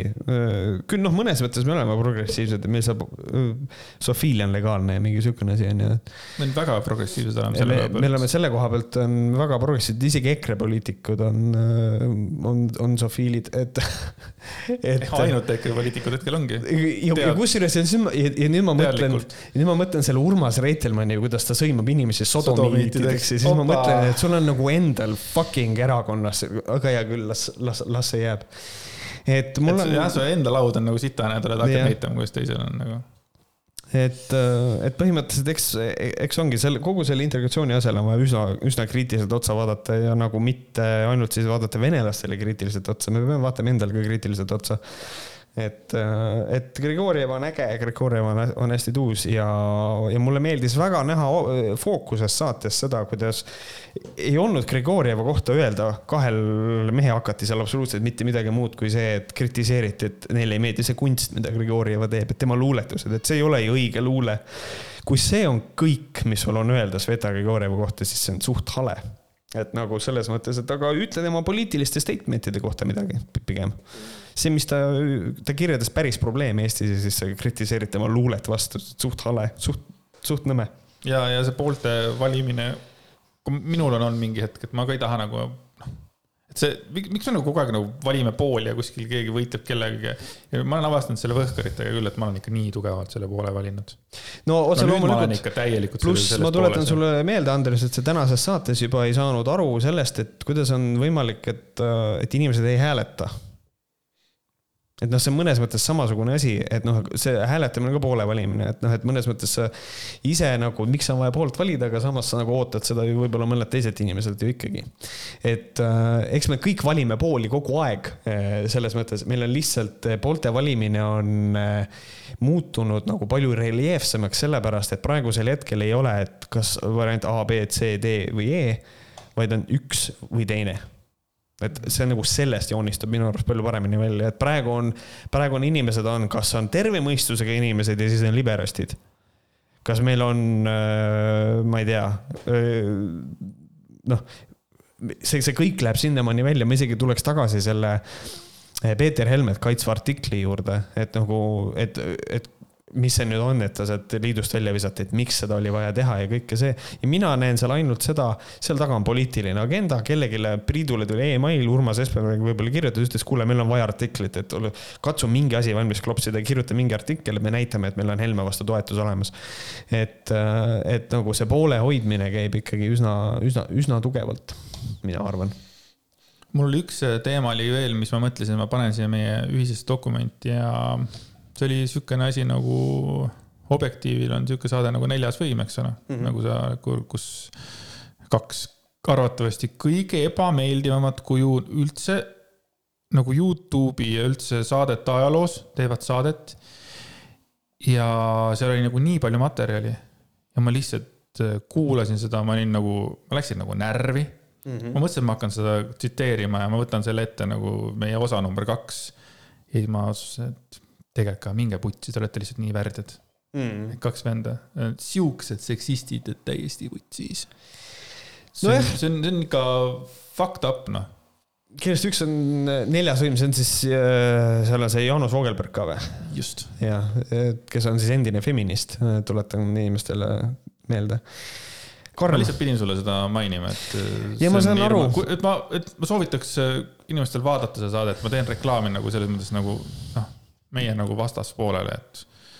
et vaadake, vaadake Objektiivi. kui, kui lollid saavad olla mõned inimesed ja kui rumalad ja kui nõmedad ja kui debiilsed. Intselid prolli, aga las, las jääb aga me oleme väga tänulikud, et te kuulasite meie, meie jõulu ja aastavahetuse, mis on kõige veidram aeg aastas, minu arust on jõulude ja aastavahetuse vahel. on selline, see on selline jõudeolek, et nüüd nagu ei tea, kas ma nagu peaks nagu istuma või pralletama või mitte midagi. aga sina ei pralleta arvestades? mina ei pralleta, sest mina mängin lihtsalt hästi palju videomänge. kusjuures meil on jumala pekkis, sest et nagu minu abikaasa ärkab ju hommikuti vara, ta on õpetaja. nii. oot, oot, oot, oot, mis, mis see tähendab siis? ta on see... õpetaja, et ta ärkab, mida sa teed praegu, mees? ma, ma. sa paned ta mingisse kasti, et no õpetajad ja, ärkavad vara. ta on õpetaja, ta ärkab vara. aga probleem on selles, et me oleme viimased päevad ärkanud, ärganud mitte varem kui kell kaksteist me ärkasime täna kell üks, Andreas. sa teed nalja? me ei tee nalja ja siis me mõtleme, et kuhu me niimoodi jõuame, et ma küsin oma naise käest, et kuhu, et ütle mulle nüüd päris ausalt. kuidas sa uuesti nagu sinna rütmi saad? ja siis ta vaatab mulle sügavalt silma, ütleb, ma ei tea. ja kõik. kas tema ka geimer või? ei, ta ei ole geimer üldse, kuigi okei okay,, ta mängis Simsi eile hästi kaua. ta mängib okay., talle meeldib väga Simsi mängida, jah. tead ma pean tõdema, et esiteks ma ei ole olnud kunagi suur magaja ja ma ei ole kunagi olnud suur öösel ülevalija.